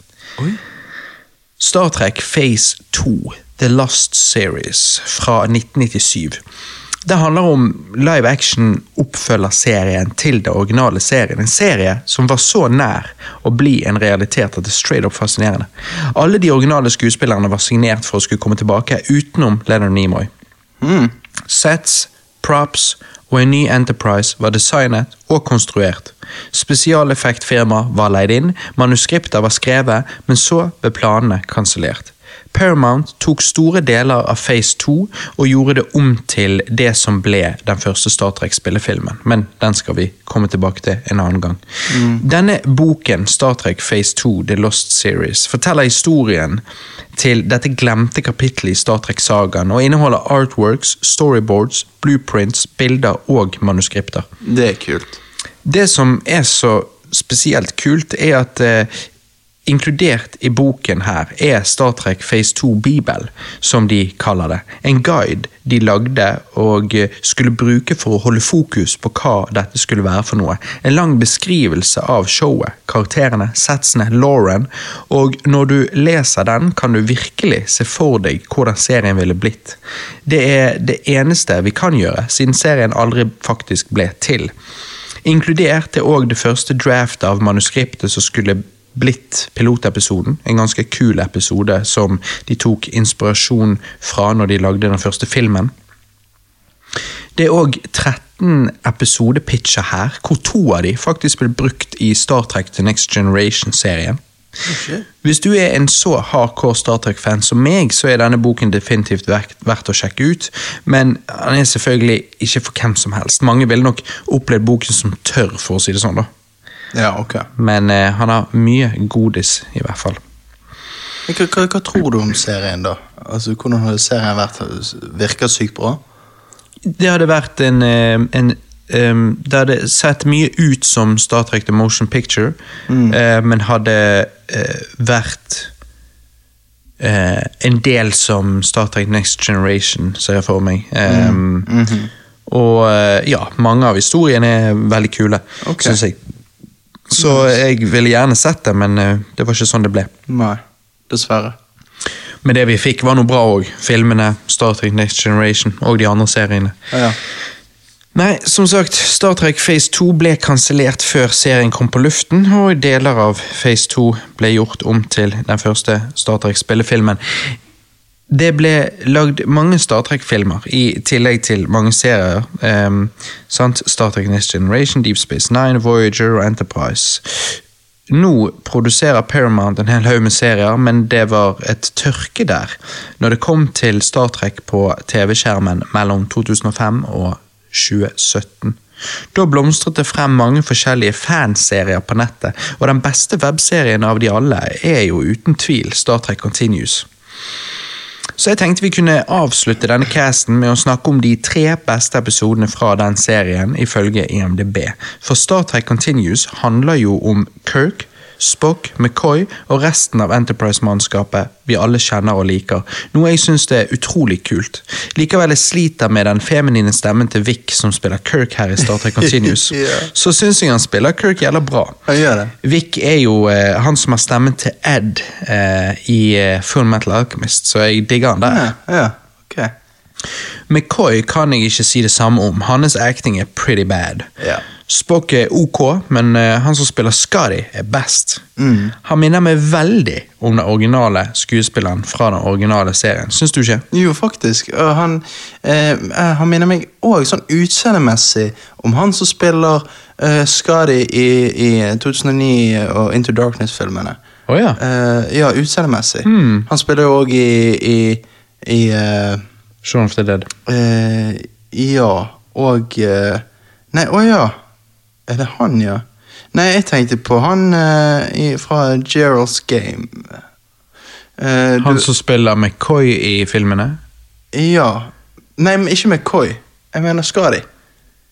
Ja, Han som spiller Scotty i Star Trek 2009. Ja, kanskje Er han som spiller Shaun of the Dead? Kanskje McCoy. Ja, han som spiller McCoy der. Ja, Eh, Han minner litt om han som spiller Skadi i Star Trek Continues. ja, ja. Ja, Bare sånn utseendemessig. Litt sånn smale øyne. Og, Mm. eh, men men, eh, men sånn, han nailer den skotske aksenten og sånn. Så, Mm. eh, men jeg syns ja, McCoy i, i Star Trek Continues, pretty bad acting. Liker heller ikke eh, Spock. Nei. Nei. ikke det? Men Skadi, du syns, du syns han minner om, eh, om eh, han som Spiller McCoy i filmene. Ja, ja. I Men de du, nye filmene. ja, men du syns ikke han minner så veldig om Skadi i det originale? Jo, eh, må, måten han spiller på. Ja, ja. Ikke utseendemessig. Nei, ok, det er jo litt rart. Jeg syns jo òg utseendemessig, absolutt. Å, han har jo ikke svart hår. Hæ, jo? Nei. Jo. Han har mørkebrunt. Å, herregud. Ja, Ja. det er jo same, same. Ja. Hadde, hadde originale Scotty svart hår, da? Ja. Nei. Å jo. Ok, skal jeg fortelle noe? Han er jo faktisk sønnen til OG Scotty, da. Nei, what? Mhm. Er han det? Ja. Å ja, shit, det er kult. Og han er med i JJ Abrams Star Trek-filmene. Ikke som Scotty der, sant? det er jo han og. Shaun of the Dead-duden. Ja. Men, eh, men som en av de som jobber sammen med Scotty der. Ja, ok. Så ehm, ja. Ok. Og så må ikke vi glemme å nevne Grant fra Mythbusters, som spiller Mr. Zulu her. Ja. Han er jo ganske god, syns jeg. Rest in peace. Og eh, ja, eh, han er død, ja. Mm. What? Hva var han død av, vet du? Jeg kan ikke huske Jeg kan ikke huske helt. Det var Var det slag Ja, det var et eller annet med hjernen, tror jeg. Ja, ok. Stakkar fyr. Hun som spiller Uhura òg, spiller veldig bra. Ja. Nei, men ok, skal vi get into it? Oh yeah. Nummer tre. What ships are for? Kirk og gjengen ankommer en planet de har mottatt nødsignaler fra. De sprer seg eh, Nei, det sprer seg en sykdom på denne planeten, og de trenger hjelp. Når Kirk og de beamer ned, ser de at en eh, type radioaktiv stråling fra solen påvirker øynene dertil at man ikke ser farger. Tricorderen blir naturligvis ikke påvirket, og det viser seg at um, ikke alle har samme hudfarge. Ikke alle kommer fra den planeten, men folkene på planeten vet ikke det. Du vet når folk sier angående rasisme og sånn 'jeg ser ikke farger'. Her er det faktisk sant. Og eh, det ser jo ut eh, som det har gått strålende, sånn sett. Men eh, nå som de blir fortalt at de ikke alle er lik, hvordan vil de da reagere? Dette er en episode om rasisme og innvandring, også de, ingen vi. Dette er en veldig god episode, underholdende og tankevekkende. Strålende episode, rett og slett. Men det er én ting som gir meg en skikkelig dårlig smak i munnen, og det er at denne episoden er en respons til at Trump ble president i 2016. Jeg forstår at Star Trek Continues-gjengen handler med det de tror er gode intensjoner her, men jeg vil påstå at de, vis, at, at, at de viser Det de viser, er bare hvor uvitende og fordomsfulle de sjøl er. La meg forklare. De har jo vært veldig eh, høylytt på sosiale medier, disse skuespillerne, og de ah, ja. som sto bak. Ja da, sant, om okay. liksom ja, Fuck Trump, da, da, da. Ja, og det er greit. jeg fikk den viben. Ja. Og de, de har jo spist opp medias narrativ. Eh, Og tenkte de skulle da lage denne episoden for å åpne republikanernes øyne. sant? Nå må dere våkne, republikanere. sant? Ja. Men med den handlingen viser de sjøl at de tror alle republikanere er like. Det ender opp med å se utrolig pompøst ut, som om de tror de er bedre, som om de tror de har skjønt noe republikanere ikke har skjønt.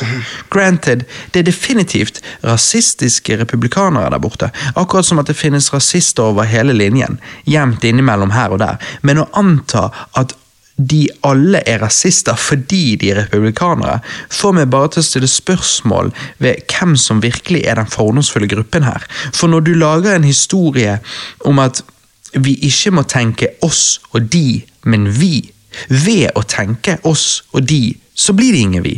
Skjønner du hva jeg mener? Ja da, eh, jeg, det, det blir splittende uh, metode å gjøre det på. Ja, Så her prøver du å si til noen du tror er, har et splittende mindset, at dere må ikke ha et splittende mindset, og så viser du at det er du som har det. Så det, det, det, det blir ikke bra. Ja, de prøver å kjempe et splittende mindset med et Med, splittende med mindset. mindset ja, ja. Det blir helt feil. Det blir helt feil. Hva hudfarge ga de disse liksom Trump-tilhengerne i denne episoden? Oransje, selvfølgelig. Uh, og disse stakkars SJW-ene som var undertrykt av the patriarchy, hva hårfarge ga de de? Lilla, naturligvis. Jeg skal ikke si at de som lagde denne episoden gjorde dette med vilje, men det viser jo bare hvordan underbevisstheten lager satiren for deg. Ja. det er litt sykt, jeg tenkte ikke på det engang. Nei, de som ser en håndfull nynazistiske Trump-tilhengere og stempler derfor alle republikanere som nynazister, er like fordomsfulle som de som stempler alle muslimer som terrorister etter 9-11, teknisk sett. Ja, ja, de er jo det. Folk må se forbi medias propaganda, se sin nabo for det deres nabo er. Et rimelig menneske med samme ønsker for sine som du har for dine. Slutt å skjære alle over en kam. Ha en fredelig samtale med naboen din. Bli kjent og prøv å fremheve likhetene istedenfor å blåse opp ulikhetene dertil at det bare skaper splittelse og drit. sant? Ingen politiker eller klovn kan alene skape splittelse. Det er vi som skaper han sjøl hvis vi velger å gjøre det. Vi kan velge å gjøre det motsatte. Vi kan velge å se mennesket i hverandre og komme sammen. Det var jo det de prøvde å si med denne episoden. De bare gikk frem på helt feil måte, vil jeg si. Ja. Skal du lage et tidløst verk inspirert av en hendelse eller en periode i historien, så tjener det seg som oftest å vente til stormen er over, før, eh, sånn at du får bedre oversikt, enn når du prøver å lage verket midt i stormen og misser store deler av bildet. Skjønner du hva jeg mener? Jeg skjønner godt hva du mener. På den ene siden ville jeg gitt episoden 7 av 10, eller kanskje til og med 8 av 10. Altså, Hvis de hadde klart å fått til budskapet sånn som de sikkert sjøl trodde de skulle, men siden episoden på en måte går imot sitt eget budskap, blir jo det bare feil hele greien. Så da vet jeg ikke helt hva jeg skal gi han. Klarer man å se vekk ifra det, så er det god episode inni her, men eh, bare, den bare ville hatt mye større impact om budskapet var mer generelt og ikke gikk imot seg sjøl. Men, men, I don't know. Jeg får gi What Chips Are For en syv av ti, I guess. Ja. Hva sier du? Jeg, òg gir What Chips Are For en 7 av 10, fordi at jeg Oi. Jeg, eh, jeg syns det var en underholdende episode. Så jeg syns de fanger godt karismaen her. Og, og, og det av og til minner som om de prøver å etterligne så karakterene fra originale serien. Altså at, Men Det er jo det som er poenget, men de klarer det veldig bra. Ja. Det er liksom sånn måten eh, sant, Når eh, Spock sier noe, og så flirer eh, eh, Kirk litt og ser bort på McCoy og bare What is it, Bahags? Eller hva? Så, ja. Liksom, så, det er akkurat sånn som Kirk hadde sagt det i originale serien, men Hva var det du kalte han? What is it? Bags? Ikke det? Bones. Bones, ja, ja, ja, Bags? What is it, Bags? Det høres ut som Star Trek Anime. What's up? Eh, Nei, nei, uh, what is bones? Altså, så- ja, liksom sånne ting. Uh, What is this bone? Ja, sitter han på fanget til McCoy. Nei, men bare at selvfølgelig Dette er jo mye dårligere. Mm. eh, fordi at det er ikke gode skuespillere her. Men det er så bra så man på en måte kan forvente fanshit. ja, det må jeg Det er så jævlig gjennomført for å være fanshit. Det må jeg virkelig si. Eh, og altså de her thumbnailsene på, på Altså coverene på episoden. Ja, de har jo plak På nettsiden kan du laste ned plakatene. Ja, men de er jo fucking awesome. Printe de, ha legitte plakater. Ja, ja, de er sykt fete. Eh, eh, får ikke eh, snakke om den neste episoden vi skal snakke om, der, Mm. der er bare helt sinnssykt fet. Men uansett um, Ja, ok, Det er bra du liker den, siden likevel du ikke likte det han er en oppfølger av. Ja, ok. Å ja. Hmm, shit. Uh, nei, uh, fordi at eh, jeg må si at Nå gleder jeg meg til vi kommer til neste, og det viser at du ikke skjønte at det var en oppfølger. Altså, når du sier det, oh shit! Det er jo tydelig! Den neste episoden vi skal snakke om, er en tydelig oppfølger til Mirror Mirror. Men ok, Ja, jo, jo. anyways. Ja. Ja, men ja, ja, det er jo det. Men jeg bare syns at eh, jeg, jeg la merke til litt den samme greien som du snakker om nå. For jeg så Når kom den ut? Å, 2017? Eller mm. det var. Så liksom sånn Ja, her virker det som liksom De er veldig Jeg, jeg, jeg kan bare Jeg skjønner ut ifra det jeg ser nå og eh, Disse skuespillerne spiller, men jeg skjønner ut av hva jeg ser, at alle de her som spiller, de er de er demokrater, og de er left-winger. Eh, altså, eh, de er sånn Pretty woke. ja, De er Hollywood. Ja, wokeness. For, og, og det er litt sånn rart at jeg skjønte det uten å vite backstoryen. Mm, backstoryen, ja. Nei, nettopp. Så-? Så, så- det, det siper igjennom. Det siper igjennom. Og det er det jeg syns er litt synd. Hvis du på en måte klarte å Hvis det behind the scenes-shitet her ikke ble påvirket, så hadde det vært noe annet. Og det, Ja, og- det er og jeg bare er klarer ikke å forstå at du Det ja, men det er ikke noe gale med å være left-wing. Det, det, det har Nei, ingenting å si. nei, men når du blir en jævla rasist av den grunn, håper jeg å si. Ja. Altså, Rasist er jo hvis du uh, er fordomsfull basert på rase, men, men samme det, du er fordomsfull basert på øh, noen andre sin politiske mening, da, så er det det samme. Det er det fucking samme. Det- det samme når du prøver her nå å kjempe mot rasisme med fordommer, så er det bare sånn, what the fuck, Ja, bro? det, det blir veldig Det blir preachy, det blir arrogant. Pompøst. Det, det er ting som Og det er full av fordommer. Ja, det er ting som som, uh, som gir en dårlig smak i munnen. Mhm. Og, det, og det, da blir Det tar det vekk fra, fra det de faktisk prøver å si. Og det blir litt dumt. De Ja, skyter, de skyter seg sjøl i foten. ja, altså. for det at de basically sier et budskap de sjøl ikke følger. Ja. Det er jo helt fucked. Det, det, det er fakt. Så, men jeg gir en syv av ti. Ja, ja. Ok, nummer to. Fairest of them all. Dette er jo, som jeg sa, en oppfølger til Mirror Mirror-episoden fra den originale serien. Fairest of them all er en direkte oppfølger som gjenskaper faktisk den siste scenen i dette parallelle universet, og handler om at Spock prøver å starte den revolusjonen Kirk inspirerte han til å starte. Jeg digger dette plottet. For alle Star Trek-fans har jo alltid lurt på hvordan det gikk med denne Spock i det parallelle universet. Så det at vi endelig får se det, er bare konge. Det er kult. Siden denne episoden er satt i Mirror Mirror-universet og følger eh, de karakterene som lever der, så har de eh, til og med endret introen til å passe dette universet. La du merke til det? Ja. Kirk sin monolog er liksom skrevet om til å passe det universet. Og, ja, jeg synes det er veldig stilig. Logoet og... Ja. Her i Fairest of the Mall klarer Spock å starte denne revolusjonen med en enkel handling. Akkurat som at Kirk inspirerte han med en enkel handling. Det er fascinerende å se hvordan et frø kan spire opp og gjennom det sterkeste av motstand. Det er så kult å se starten på en revolusjon, liksom.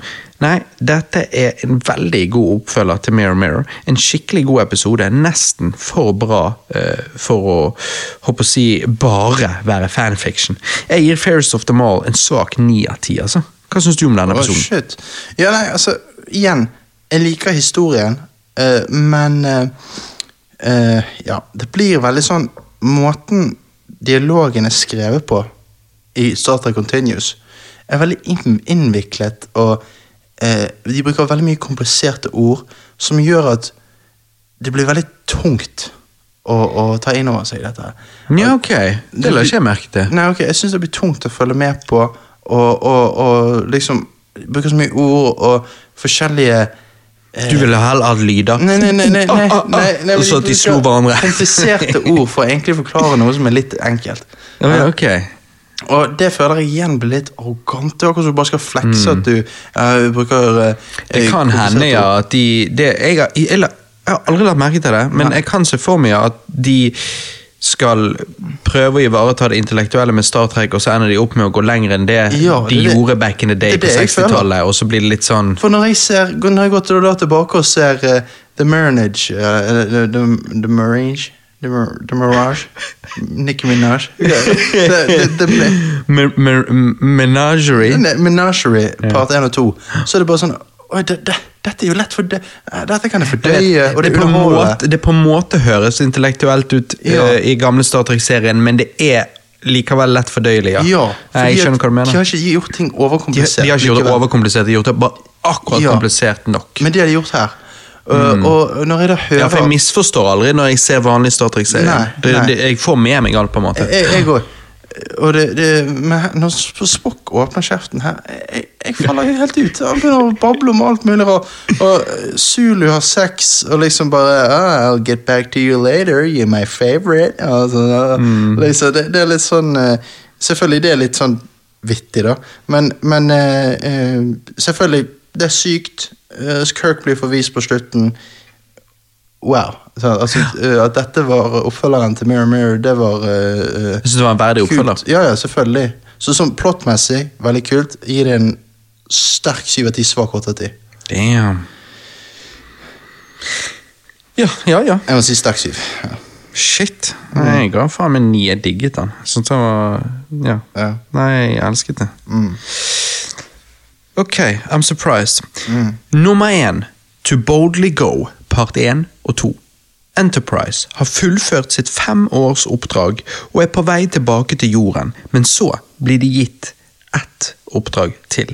Romulansene har angrepet en av føderasjonens viktigste baser, så Enterprise er sendt for å sjekke det ut. Når de ankommer basen, viser det seg at føderasjonen har i all hemmelighet jobbet med å utvikle supermennesker. Du vet, sånn som i Where No Man Has Gone Before. Ja. Kirk er naturligvis skeptisk, ettersom hvordan det gikk med hans kamerat i den episoden, Gary Mitchell, som trodde han var blitt Gud. Kirk har god grunn til å være skeptisk, for her er det ugler i mosen. Vi får et gjensyn med den kvinnelige Ramlin-kapteinen fra den originale serien. Dette er en litt sånn Greatest Hits-episode, passende for den siste episoden av Start Trek Continuous, syns jeg. Tredjeakten i part to er nesten ti av ti. En action-packed, rørende og nydelig avslutning på dette femårsoppdraget til Enterprise. Rett og slett spektakulært. Men likevel slutten er fantastisk, så føler jeg ikke denne dobbeltepisoden er det hele veien. Store deler av To Boldly Go føles overambisiøs, litt rushed og til tider uoversiktlig. Yep. Han var faktisk rushed, uh, by the way. Oh. Fordi at, ja, De fikk jo season the sist når, når eh, Paramount skulle begynne å lage Star Trek-TV-serier igjen. Og da rushet de de siste episodene her, bare for å få de out the door. Det. Um, Det, det det er, det er synd, for denne dobbeltepisoden kunne vært ganske så perfekt. Men de klarte ikke helt å nå så høyt, syns jeg. Selvfølgelig, for en webserie lagd av fans, så syns jeg de overgår all forventning. Men jeg tror de tok seg litt vann over hodet med hvordan de ville avslutte Star Trek Continuous. Med det sagt, jeg gir likevel To, to Boldly Go part 1 og 2 en solid 8 av 10. Det er ikke som om dette er dårlig, bare treffer ikke helt sånn som jeg tror de ville.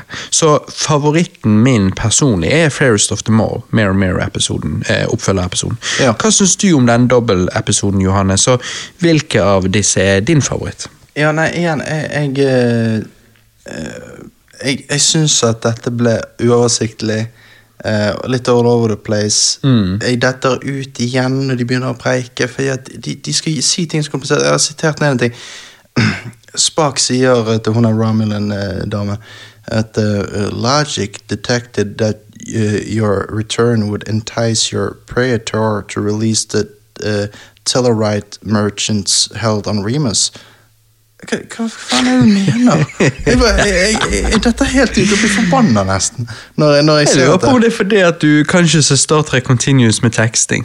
Det er bare det som gjør det. Ja, det gjør jeg. Ja, eh, så så, så ok. jeg, jeg, jeg Men jeg, jeg ja, Man kan jo gjøre det. Ja, med norsk tekst? Nei, engelsk. Ja, kanskje det. Ja.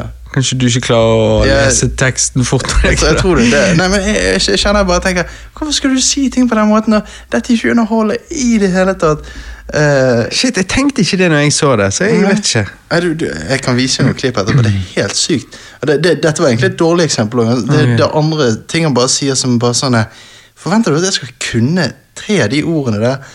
Lange ord. Jo, bare, men i konteksten av episoden så tror jeg jeg fikk med meg hele historien. eh. jo, jo, jo, jeg får med meg, men, men det er liksom sånn Jeg bare skjønner ikke hva de sier. Nei, men jeg sliter, liksom. Det er sånn, ok, jeg, jeg, tror det betyr det. At, ok, sånn, sant? Og, og Det blir bare sånn pompøst. Ja, det er litt rart. Ja, nei, det, det kan godt hende jeg bare ikke la merke til det, og at du har egentlig helt rett. For jeg kan Ja. absolutt se for meg at det er tilfellet. Eh, Ja.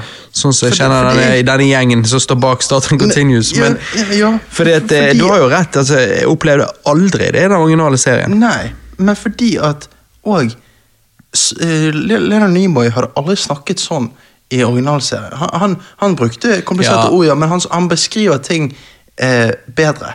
Mens, mens han her han, han beskriver ting på en kjedelig måte og bruker avanserte ord. Ja, Når du sier det, så ser jeg for meg Leonard Nimoy prate. Ja. Straight forward, forståelig. Ja. Og jeg husker det. Det der slick ass-trynet til han som spiller Spock her. ja. um, Det jeg ser for meg uh, eh, han babler, og jeg, Ja. jeg, jeg, jeg, husker nå at jeg har liksom sittet og sett det trynet bable og sonet litt ut. da. Ja. ja Det er fordi- sant. Jeg har bare ikke tenkt så mye på det. Nei. Mm. Ja, så det, det trekker jo ned. Uh, og uh, Men tredjeakten, hva syns du om slutten på To Boldly Go? da? Den var faen meg awesome. Action-packed, mye som skjer. Når de til og med separerer saucer-parten. Ja, det var kult også. Du, Det gjør de jo en Ja. del i Star Trek The Next Generation. Ja, ok. Ja, for det har jeg eh, ikke sett før. Så Nei. når de gjorde det, så bare Å ja, shit, det var kult. Ja, For det var i plan, det har alltid vært i planene, men de gjorde det aldri i den originale serien. Nei.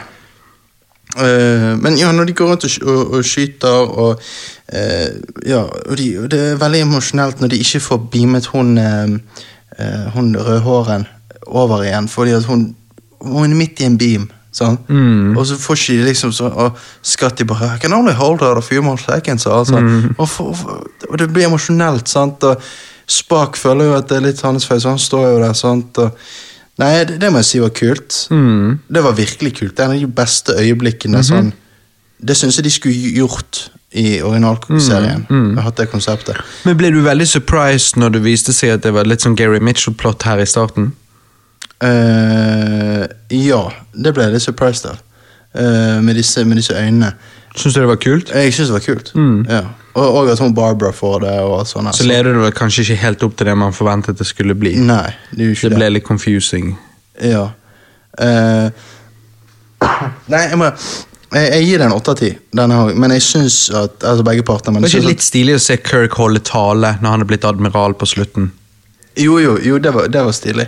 Og at han liksom sier at han vil settle down og ikke dra ut med meg. han vil jo at de skal fikse Enterprise og sånn. sånn. Men det er noe med Vic Det er liksom noe jeg liker med han, men noe som bare virker som den sleipeste motherfuckeren ever. Eh, Vic, hvem Han som spiller Kirk. Uh, Ja da. ja nei, han, han virker sykt sleip. Og Jeg, jeg hadde ikke stolt på han i det hele tatt. Uh, det er noe med liksom blikkene, sant? Eh, Du, men sant, Du har jo nå skjønt litt hvem denne Star Trek eh, Continuous-gjengen er. Ja. Ja, Det har jo selvfølgelig nå i senere tid så har det gått til helvete. Har det? Ja, fordi at eh, nå er det kommet ut noen rykter om at eh, Ja, altså litt sånn metoo, da. Eh, fordi at Vic eh, eh, sånn som ofte klemmer fans når de tar bilder og sånne ting som dette her. Okay. Og så er det bare kommet ut litt sånn her eh, jabb, da. Ja, Ikke noe særlig alvorlig, men nei, liksom at han ikke respekterer grenser, og okay. at han er litt ekstra kjærlig og litt sånn opplegg. Okay. Eh, og så da har jo resten av disse her woke kollegaene hans på Star Trek Continuous gått ut og bare liksom eh, tatt totalt avstand fra han og alt mulig. Eh, Oh, shit. Ja, sant, du vet eh, eh, Hva det heter Eh, the Public Court, nei det er jo ikke det det heter. Men Ja, nei, eh, Court of Public Opinion, håper jeg å si. For det, det er jo ingen substantial bevis her i det hele tatt. Okay. Eh, og veldig mye tyder egentlig på at uh, han ikke er den han har blitt beskrevet som. Jeg har sett mange folk på YouTube lage faktisk videoer om det, at det virker litt Johnny Depp-ish ut. Ja, ok, shit, ja. med at, med at av alt vi vet, så, vis, så tyder egentlig ting på at dette ikke helt er tilfellet. Uh, de men prøver å spinne narrative, liksom. Ja, det er det det virker litt som, og så er det det at Men det er noe greit nok, det, men, men liksom eh, Vi kan ikke vite. Sånn er det. Men, men eh, at istedenfor å anta at en person er uskyldig til det motsatte bevis, så har på en måte hele denne Start Continuous-gjengen har bare I believe all women. Ja. Og så ja, liksom, men vent, vent, vent, det- dette, dette, Jeg trodde vi lærte eh, Det virker som noen har i hvert fall lært etter Johnny Depp-incident. si, Ja, men, men Spesielt han som spiller Spock. Han bare ser så sykt sleip ut. Jeg har ikke han, Ja, altså Hun der redheaden eh, Ja, ja. med store Titsene. Ja, eh, hun eh, liksom Ja, eh, hun òg. Ja. tatt avstand. Og, Selvfølgelig. Ja, sikkert hun blonde òg. Barbara. Eh, ja, ja, det kan jeg ikke huske. Nei. Men eh, Men uh, Nei, det er bare veldig sånn Jeg bare syns det er så uheldig når folk på en måte uten noe bevis og den slags, så på å si, bare tar den approachen med believe all women. Det er veldig flott å ikke tro at kvinner lyger, men å tro at alle kvinner eh, akutt eh, snakker sant, blir liksom dumt òg. Du, du må kanskje eh, ta, du må, alt du ikke kan bevise, må du ta med en klype salt, og akseptere at du ikke vil kunne vite. Men å fordømme noen for noe de muligens ikke har gjort, er jo òg veldig synd. Sant? Så ja, det blir jo litt sånn som så, Trond Giske-saken. Var ikke det bare om der fikk ikke, nei, der fikk ikke jeg med meg. Der har det vært litt over tid. Men sånn som jeg skjønte det med den saken òg, så var jo ikke det noe jævlig serious shit. Men, Jeg, jeg tror men han jeg, bare danset med dem. Ja, han hadde liksom klint og blokkert veien ut fra hotellrommet, men jeg tror, oh, ja, ikke, ok. jeg tror ikke han hadde gått noe lenger. Det, jeg vet ikke, det, det er en sak jeg ikke har sittet meg så mye inn i, for jeg ble så lei av å høre om det, og så skjønte jeg ikke men, Ja, men altså, Er man kåt, så er man kåt. Men kan ikke klandre han for noe, egentlig. By the way, Lucy Kay har jo kommet tilbake etter at Har- han han eh. Han ble jo cancelled av eh, at han jerket for en kvinne. Ja. Han kom tilbake. Han Han adresserte det eh, hele greiene der Ja. Perfectly. okay. på et standup-show. Jeg kan vise deg etterpå. Oh, ja, okay. Jævla vittig. Ja, for jeg bare tenker Her blir han liksom beskyldt for det han blir beskyldt for. Han blir sett på som gris, alt dette her. Ja. Eh, jeg syns jo det hele var en sterk overdrivelse fra starten av. Jeg husker jo at du reagerte veldig på det og bare «Åh, jævla gris eh, og sånn. Ja. Men eh, måten han forsvarer seg sjøl på, eller ikke forsvarer, men bare forklarer. Bare liksom sånn eh, Vitser med det. Bare syns jeg var fucking hilarious. Okay, og det òg. Altså, å jerke foran noen, det, det er ikke greit eh, det er jo- hvis ikke de vil. Nei, men vi må ikke late som altså Det er noe vi alle har gjort før, så det, jeg tenker vi må ikke late som vi er bedre enn han.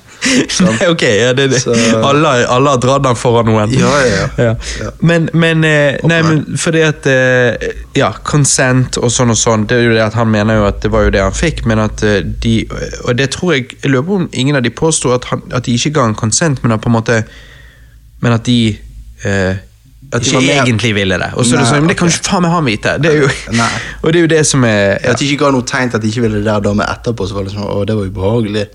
Ja. Og sånn, liksom. Ja, jeg tror det var litt sånn. Og det er Ja, men det, altså, det er jo bare uheldig, hele situasjonen. da. Det er som det der Å, jeg angret dagen etterpå, dette var voldtekt. Sant? Altså sånn Det var ikke det hvis du ikke angret Nei. veldig veldig sterkt i øyeblikket. Du kan ikke, du kan ikke Sånn. angre dagen etterpå. Jeg var helt down der og da, men vet du hva, etterpå så bare føler jeg mm, Nei, vet du hva, jeg hadde ølbriller på. Ja, sånn, så bare, ok, det Ja, ja. er synd for deg. Synd for deg. sant? Det, vi kan alle ha ølbriller på. Ja. men òg kan oppleve det plenty. Ja. Anyways. Eh, må vi ikke spore totalt av her. Det var relatert til Vic og anklager der, Jo, men eh, altså, så spiller Kirk i jeg- Star Trek Jeg Continuous. føler ikke Men vi det må er en så total avsporing. Altså, jeg, jeg kan lett putte connections mellom Trond Giske og Star Trek, liksom. Det, det jo Han ser litt ut som en alien. Ja, jeg synes Ser ut som det. sånn testikkelhode på Talos 4. Nei, Star Trek Continuous er fantastisk. Er du fan av den originale Star Trek-serien og eh, av en eller annen grunn, en eller annen merkelig grunn ikke har sett Star Trek Continuous, så bør du hive deg ned foran TV med en gang. Star Trek Continuous, er det canon? Nei, men det er så canon som man kan få et fanprosjekt, på den måten at sønnen til Gene Roddenberry har sagt at hadde hans far vært i live i dag, så hadde han garantert ansett Star Trek Continuous som canon. Vi kan aldri vite hva Gene egentlig ville sagt sjøl, men hvis sønnen hans går god for serien, så er jo det et godt tegn. Å ja. Eh, Jeg må si, men jeg har sett bedre episoder altså av Star Trek Continuous. Jeg husker den første episoden var ganske bra, men han er en gamle mann som peker mot et eller annet greier. Du husker det Ja. komiske shotet? Er ikke, er ikke det faktisk en oppfølgerepisode òg til en annen episode? Jeg tror det. Jo, det er vel eh, Apollo et eller annet. eh, Ok. Ja. eh, og det er samme skuespilleren som var med i OG. Oh, ja, shit, ja. Det er faktisk kult. De har mye sånt. Ja. Mm. Jeg husker jeg likte den. Ja. Men jeg likte litt den Civil War-episoden, faktisk. Ja, den var også kult kul. Så vi tok jo nå bare de, de topp tre ifølge IMDb, men det er flere episoder jeg syns var gøy Så som ikke var det. Og så var det den eh, Lolani. Ja. Men Den eh, husker jeg ikke så mye av, men jeg husker at Er det hun med grønn? Hun Ja. grønn? ja, det er noe sånn uh, human trafficking-opplegg-episode. Ja.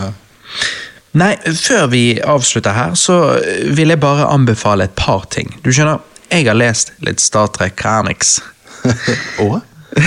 Først og fremst den som heter Star Trek Harlan Ellisons The City on the Edge of Forever.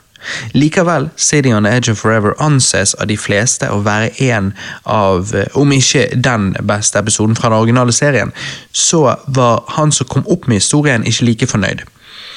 Um, litt sånn som eh, eh, Stephen King med The Shining. Ja, ja. Han likte jo ikke filmen. Nei. Alle andre gjorde jo. Det er faktisk Um, sykt. Nei, han her så for seg noe litt annerledes, og har gjennom årene vært veldig høylytt om sin misnøye. I 2014 teamet han opp med noen comics-folk for å lage en grafisk roman basert på hans originale visjon. Jeg syns denne grafiske romanen var veldig god. Jeg er ikke helt sikker på om han er bedre enn den episoden vi fikk.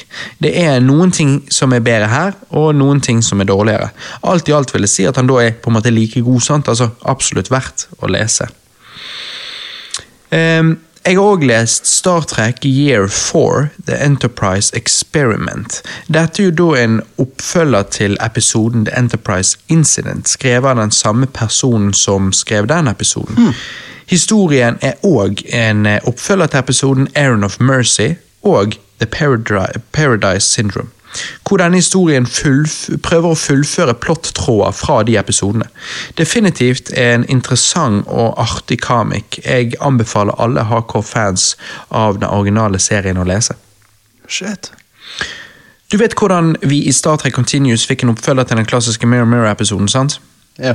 Star Trek Mirror Images, comicboken, er en prequel til Mirror Mirror-episoden, der vi får se hvordan Kirk tok Enterprise fra Pike i Mirror-universet. Denne er òg veldig gøy og definitivt verdt å sjekke ut om du liker den originale serien. Når det kommer til spill basert på den originale Star Trek-serien, så har du Star Trek 25th Anniversary på Nintendo, Original Nintendo Entertainment System. Et overraskende bra spill, faktisk. Definitivt verdt å spille hvis du liker Star Trek og retrospill. Star Trek 25th Anniversary på PC er et helt annet spill, likevel har samme navnet som Nintendo-spillet. Eh, Og den direkte oppfølgeren, Star Trek Judgment Rights, er ganske legit. Begge gamle nå, men tilgjengelig på GAG og Steam, så check them out hvis du liker old school point and click PC-spill. Johannes, alt i alt, fra den originale serien til den animerte, og helt til den fanskapte webserien, hva syns du om klassisk Star Trek? Jeg syns klassisk Star Trek har en eh, Har en særegen sjarm, og det er veldig undervurdert i popkulturen. Altså, jeg syns selvfølgelig det er jo representert ofte, men jeg syns at det blir på en måte litt misforstått, kanskje. Fordi at ja, dette her med at det bare preiking og sånn. Det er jo ikke bare preiking, det er mange gode episoder som er actionfylte og gøye. Pluss at jeg føler at The Next Generation blir ofte veldig hyllet, men, men eh, på, på en måte så blir originale Star Trek-serien litt glemt. Ja. Sammenlignet med Next Generation. Next Generation er jo artig, og jeg gleder meg til vi skal ta opp en episode på det, men, men originale Star Trek-serien er jo gull, det her òg. Det er veldig mye gull. Og Next Generation ville aldri vært uten denne. Nei, og du kan si at noen av episodene er nesten tidløse. Fordi at de, de Hvis de ikke fokuserer så veldig mye på en planet, sånn, så er det bare skip, og skipet ser jo bra ut. Og, altså inni skipet. Og, og det er liksom gode historier, kreative konsepter. Uh, så jeg vil si litt samme som Twilight Zone, at noen av disse historiene er tidløse. Absolutt. Og veldig gode, lærerike. Um, Var det mange episoder eh, vi så for denne casten som du ikke hadde sett før? ja, de fleste hadde ikke jeg sett før. Ja. Så liksom, og, og noen av de beste som jeg syns altså Jeg hadde aldri sett uh, Jeg har sett Space Seed før, men jeg hadde aldri, sett Trouble with Tribbles. Hadde aldri sett uh, Taste of Armageddon. eller um, uh, City on the Edge of Forever, så jeg må si veldig positivt overrasket over originale Star Trek. Jeg er blitt Jeg er blitt Jeg liker originale Star Trek. Det kan jeg si. Før jeg har vært litt on the fence, men, men nå, nå kan jeg si at jeg liker det. Hva er på en måte dine favorittkarakterer? Eh, favorittkarakterene er definitivt Kirk. Altså William Shatner som Kirk. Han- Det, han synes det spiller veldig bra. Alle har sagt liksom måten han snakker på er veldig rar. Så plutselig sånn, sånn. Men jeg syns det gir en egen karisma til karakteren. Eh, og jeg liker det at han er litt sånn mandig. Sant? Og sånn. Eh, og Spak, selvfølgelig. Jeg liker, jeg liker korrektheten til Spak, og det at han kanskje er litt eh, Han kommer opp i litt sånn awkward situasjoner fordi han ikke skjønner noe, eller et eller annet sånt. Eh, ja, så det er de, de to, vil jeg si. Du, da? Ja, nei, jeg er helt enig. Eh, jeg har vel alltid sittet Spock høyest, men eh, nå etter hvert som jeg blir eldre, så begynner jeg å kanskje liksom sitte Kirk rett over. Sant, Eh, ja. Men jeg liker også McCoy, da. Jeg syns jo den trioen er knall. Den trioen er bra, men McCoy virker av og til litt sånn pessimistisk. sant? Sånn Ja, jeg bare liker alle de gangene han sier Damn it, Kirk, I'm a, I'm a doctor, not a Ja, eller ja, ja, not a mechanic, ja, not a chef. Ja, ja. ja det, det er kult. Jeg liker Jeg det. syns alltid det er vittig.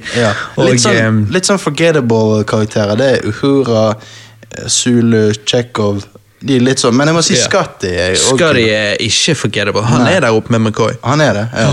Definitivt. Jeg sitter Nei, ja, nei. Jeg sitter de begge to.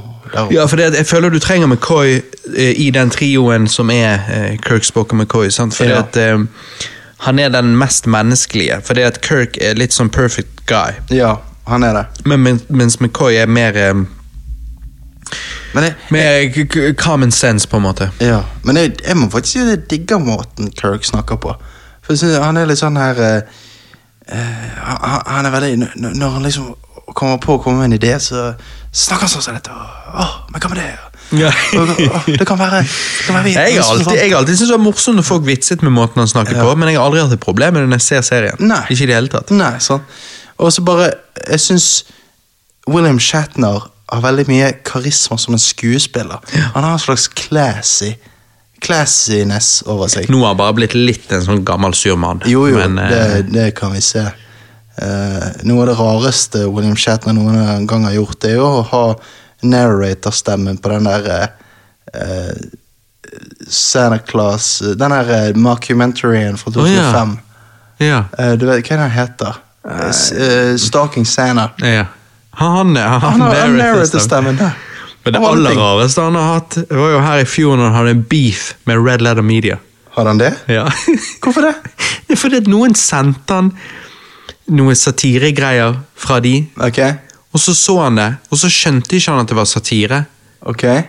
Så han roastet de, eller på, på en måte forbanna og jævla jomfruer i kjelleren og da, da, da. Og så skjønte ikke han at de, at de køddet. Ja, og, ja. det, og så uh, har de lagd en video om det, da. Um, og eh, det er, er bare ganske vittig og fascinerende. Og litt sånn, For de er jo så hardcore Star Trek-fans òg. Ja.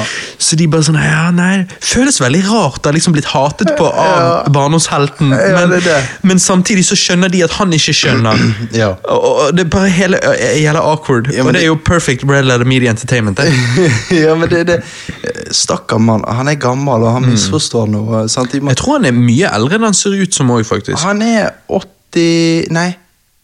Han er 89, Det er jo helt sykt. tror jeg. Han Nei, ser jo- er han 90? Han, er jo, han ser jo minst ti år yngre ut enn det. Ja, fordi at uh, jeg, Men jeg uh, er jo helt surprised. Leonard Nimoy døde jo i 2005. Ja. Nei? William- Nei? Nei, nei, ikke, nei 2015, mener jeg. Ja. uh, og Men William Shatner er fortsatt up and going. William Shatner Til og med fortsatt up and coming actor nei, men in. Hollywood. Nei, shit. Jeg, jeg, forstår det ikke. Gjett hvor gammel William Shatner er. 90. Han er 91 år gammel. Men han ser jo ut som han er 75. Jeg vet det. Hva er det han spiser? Det er weird. Men han eter ikke ja, han eter sikkert bare gulrøtter. Han er jo bare med hestene sine hele dagen lang. Ja, og han, han er veldig opptatt av hester. Han er veldig opptatt av hester. Ja, ok. Han er en gammeldags cowboy, han, vet du. Ja, men jeg liker det. Jeg har alltid likt William Shatner. Jeg bare håper han kan bli 100. jeg. Altså, Ja. Jeg har hørt han er en god douchebag, da. Eh, Ja, og jeg det- så jo han reacte på eh, Jeg vet ikke om det var Vanity Fair eller hvem som fikk han inn til å skulle reacte på parodier folk gjorde av han. Okay. Det, det er så tydelig at han har veldig lite Stort ego. Ja, det, Han skjønner ikke det. Uh, Han han, har ikke hva det heter, selvironi. han klarer ikke å le seg sjøl. Ikke i det hele tatt. Nei. Og han ser ikke hva de mener. Når de snakker sånn som dette, da, så skjønner ikke han det. Nei. Altså, Han legitimately forstår ikke hva de gjør. Ja. Så, han, så han ser ikke seg sjøl. nei, nei det, det er rart. Men det Altså, er det. Ignorance is bliss. Og det er det som gjør at du blir 91 år gammel, men ser ut som du er 15-20 er år yngre enn det. Det så du må bare være en det- ignorant bastard. ja, jeg, jeg, men jeg tror det at ignorant folk som bare egentlig liksom driter i alle andre litt Ja, bare altså, er- klapper på hestene sine, og- Ja, for De bekymrer seg ikke over hva andre tenker, for Mm. han, han vet at han er best. Han, hvis noen kritiserer han, så skjønner ikke han driten av hva de? Hva som er deres problem? Ja, ja, ja sant? Så sikkert det er sekuren. Ja, men, eh, eh, men jeg tenker jo bare det at eh, jeg har alltid fått litt sånn her at han er litt sånn selvhøytidelig. sant? Altså, Ja, ja, ja, absolutt. ja, eh, men eh, god skuespiller er han. Men har han sagt noe om de nye altså JJ Abrams-filmene? Hva han syns om de? Jeg tror ikke han har sett de. Nei, hæ? Nei, jeg tror ikke det. Tror ikke det? Nei, han ble litt butthurt fordi at Leonard Nimoy ble invitert tilbake, men ikke han. Ok, ja. Men hvorfor ble ikke han invitert tilbake? Og jeg husker ikke, nå spør du vanskelig. Må, det, dette må vi ta opp når vi skal se alle filmene. Ja. For jeg kan ikke helt huske Ja, det var jo sikkert det. jeg husker jo da jeg var yngre, så skjønte ikke jeg at William Shatner Jeg syns han var Jeg synes ansiktet hans er så annerledes når han var tjukk, at jeg syns ikke det så ut som han. Ja, jeg syns jo det ser ut som han. Jeg, jeg skjønner liksom ikke helt hva jeg ser på nå. når jeg ser på Han Det er sånn, Han ligner jo ikke i det hele tatt på seg sjøl når han var ung. Så, Men det ser i hvert fall ut som noen tok en sykkelpumpe i porene hans og bare gødde på. ja, ja, det gjør det. Eh, nei, det, det er veldig rart. Leonard Nimoy lignet liksom på seg sjøl hele veien. Ja, ja. William Shatner, når han passerte sånn 40 eller noe, 45-50, Ja, så bare det. ble han en annen mann. Det ble, han ble det. Han morfet Og, eh, han har gått veldig, gjennom veldig mange stages. Sant? Mm. fra serien da har han blondt, stritt hår, og så i, i, i filmene så begynner han å få krøllete brunt, og så nå bare ser han ut som Tingen er jo at i Star Trek altså, sånn Star Trek var på slutten av 60-tallet, og så kom eh, de tilbake med The Movie Ja. i 79, eller hva det var. Ja. Da syns jo jeg han så gammel ut. Mm. Da syns jo jeg han så Jeg skjønner jo ikke, Han har jo levd fra 79 og til nå. Det er jo det er 89, 99, 2009, 2019 Hæ? Nei, han er, han er For jeg syns han så gammel ut da. Ja, men jeg, jeg Mye eldre ut enn han gjorde på serien. Det er noe som skjedde de, siste, de ti årene mellom serien sluttet på TV og de Ja. begynte å lage den filmen. Ja. Fordi det, det, det er der han eldes. Og så har han sluttet så, så godt som å eldes de Ja. neste 40 årene igjen. Ja. Jævla weird. Det, jeg, jeg, de begynner å bli gamle nå, Hollywood-legendene. Altså Bruce Willis sant, må gi seg med acting fordi at han har problemer med taleevnen, fått sykdom. Og så Jim Carrey skal ikke spille i filmer lenger. Sant, så vi, vi mister mange gode egoer der ute. Ja, det er sprøtt. Ja, Det er veldig, veldig sprøtt. det er det. Men det er sånn det er. Når vi blir eldre, så blir de eldre. Og Ja, de til, slutt, eh, til slutt dør alle heltene dine. De gjør det. Mm. Men de vil alltid leve På i underholdningen. Gjennom skjermen. Nei, Star Trek, når vi snakker om skjermen, ble sendt på TV for første gang 8. september 1966. I juli 2016 kom Star Trek Beyond ut på kino. Det gikk noen måneder, og når Beyond sluttet å gå på kino det året, så anser jeg Star Trek for å ha sovnet stille inn. På den måten at alt annet som kom etter 2016, har ikke vært Star Trek whatsoever. Det har vært elendig. Jeg var først delvis down med Star Trek Discovery, men kun fordi jeg hadde så inderlig lyst til å like det. Etter hvert som årene gikk, ble det tydelig at serien bare ble verre og verre. Picard-serien kom, brøt canon, ble super-woke, og den nye animerte serien Star Trek Lower Decks gjorde bare narr av Star Trek. Jeg hadde et lite håp for Strange New Worlds siden jeg digger Pike, men vet du hva?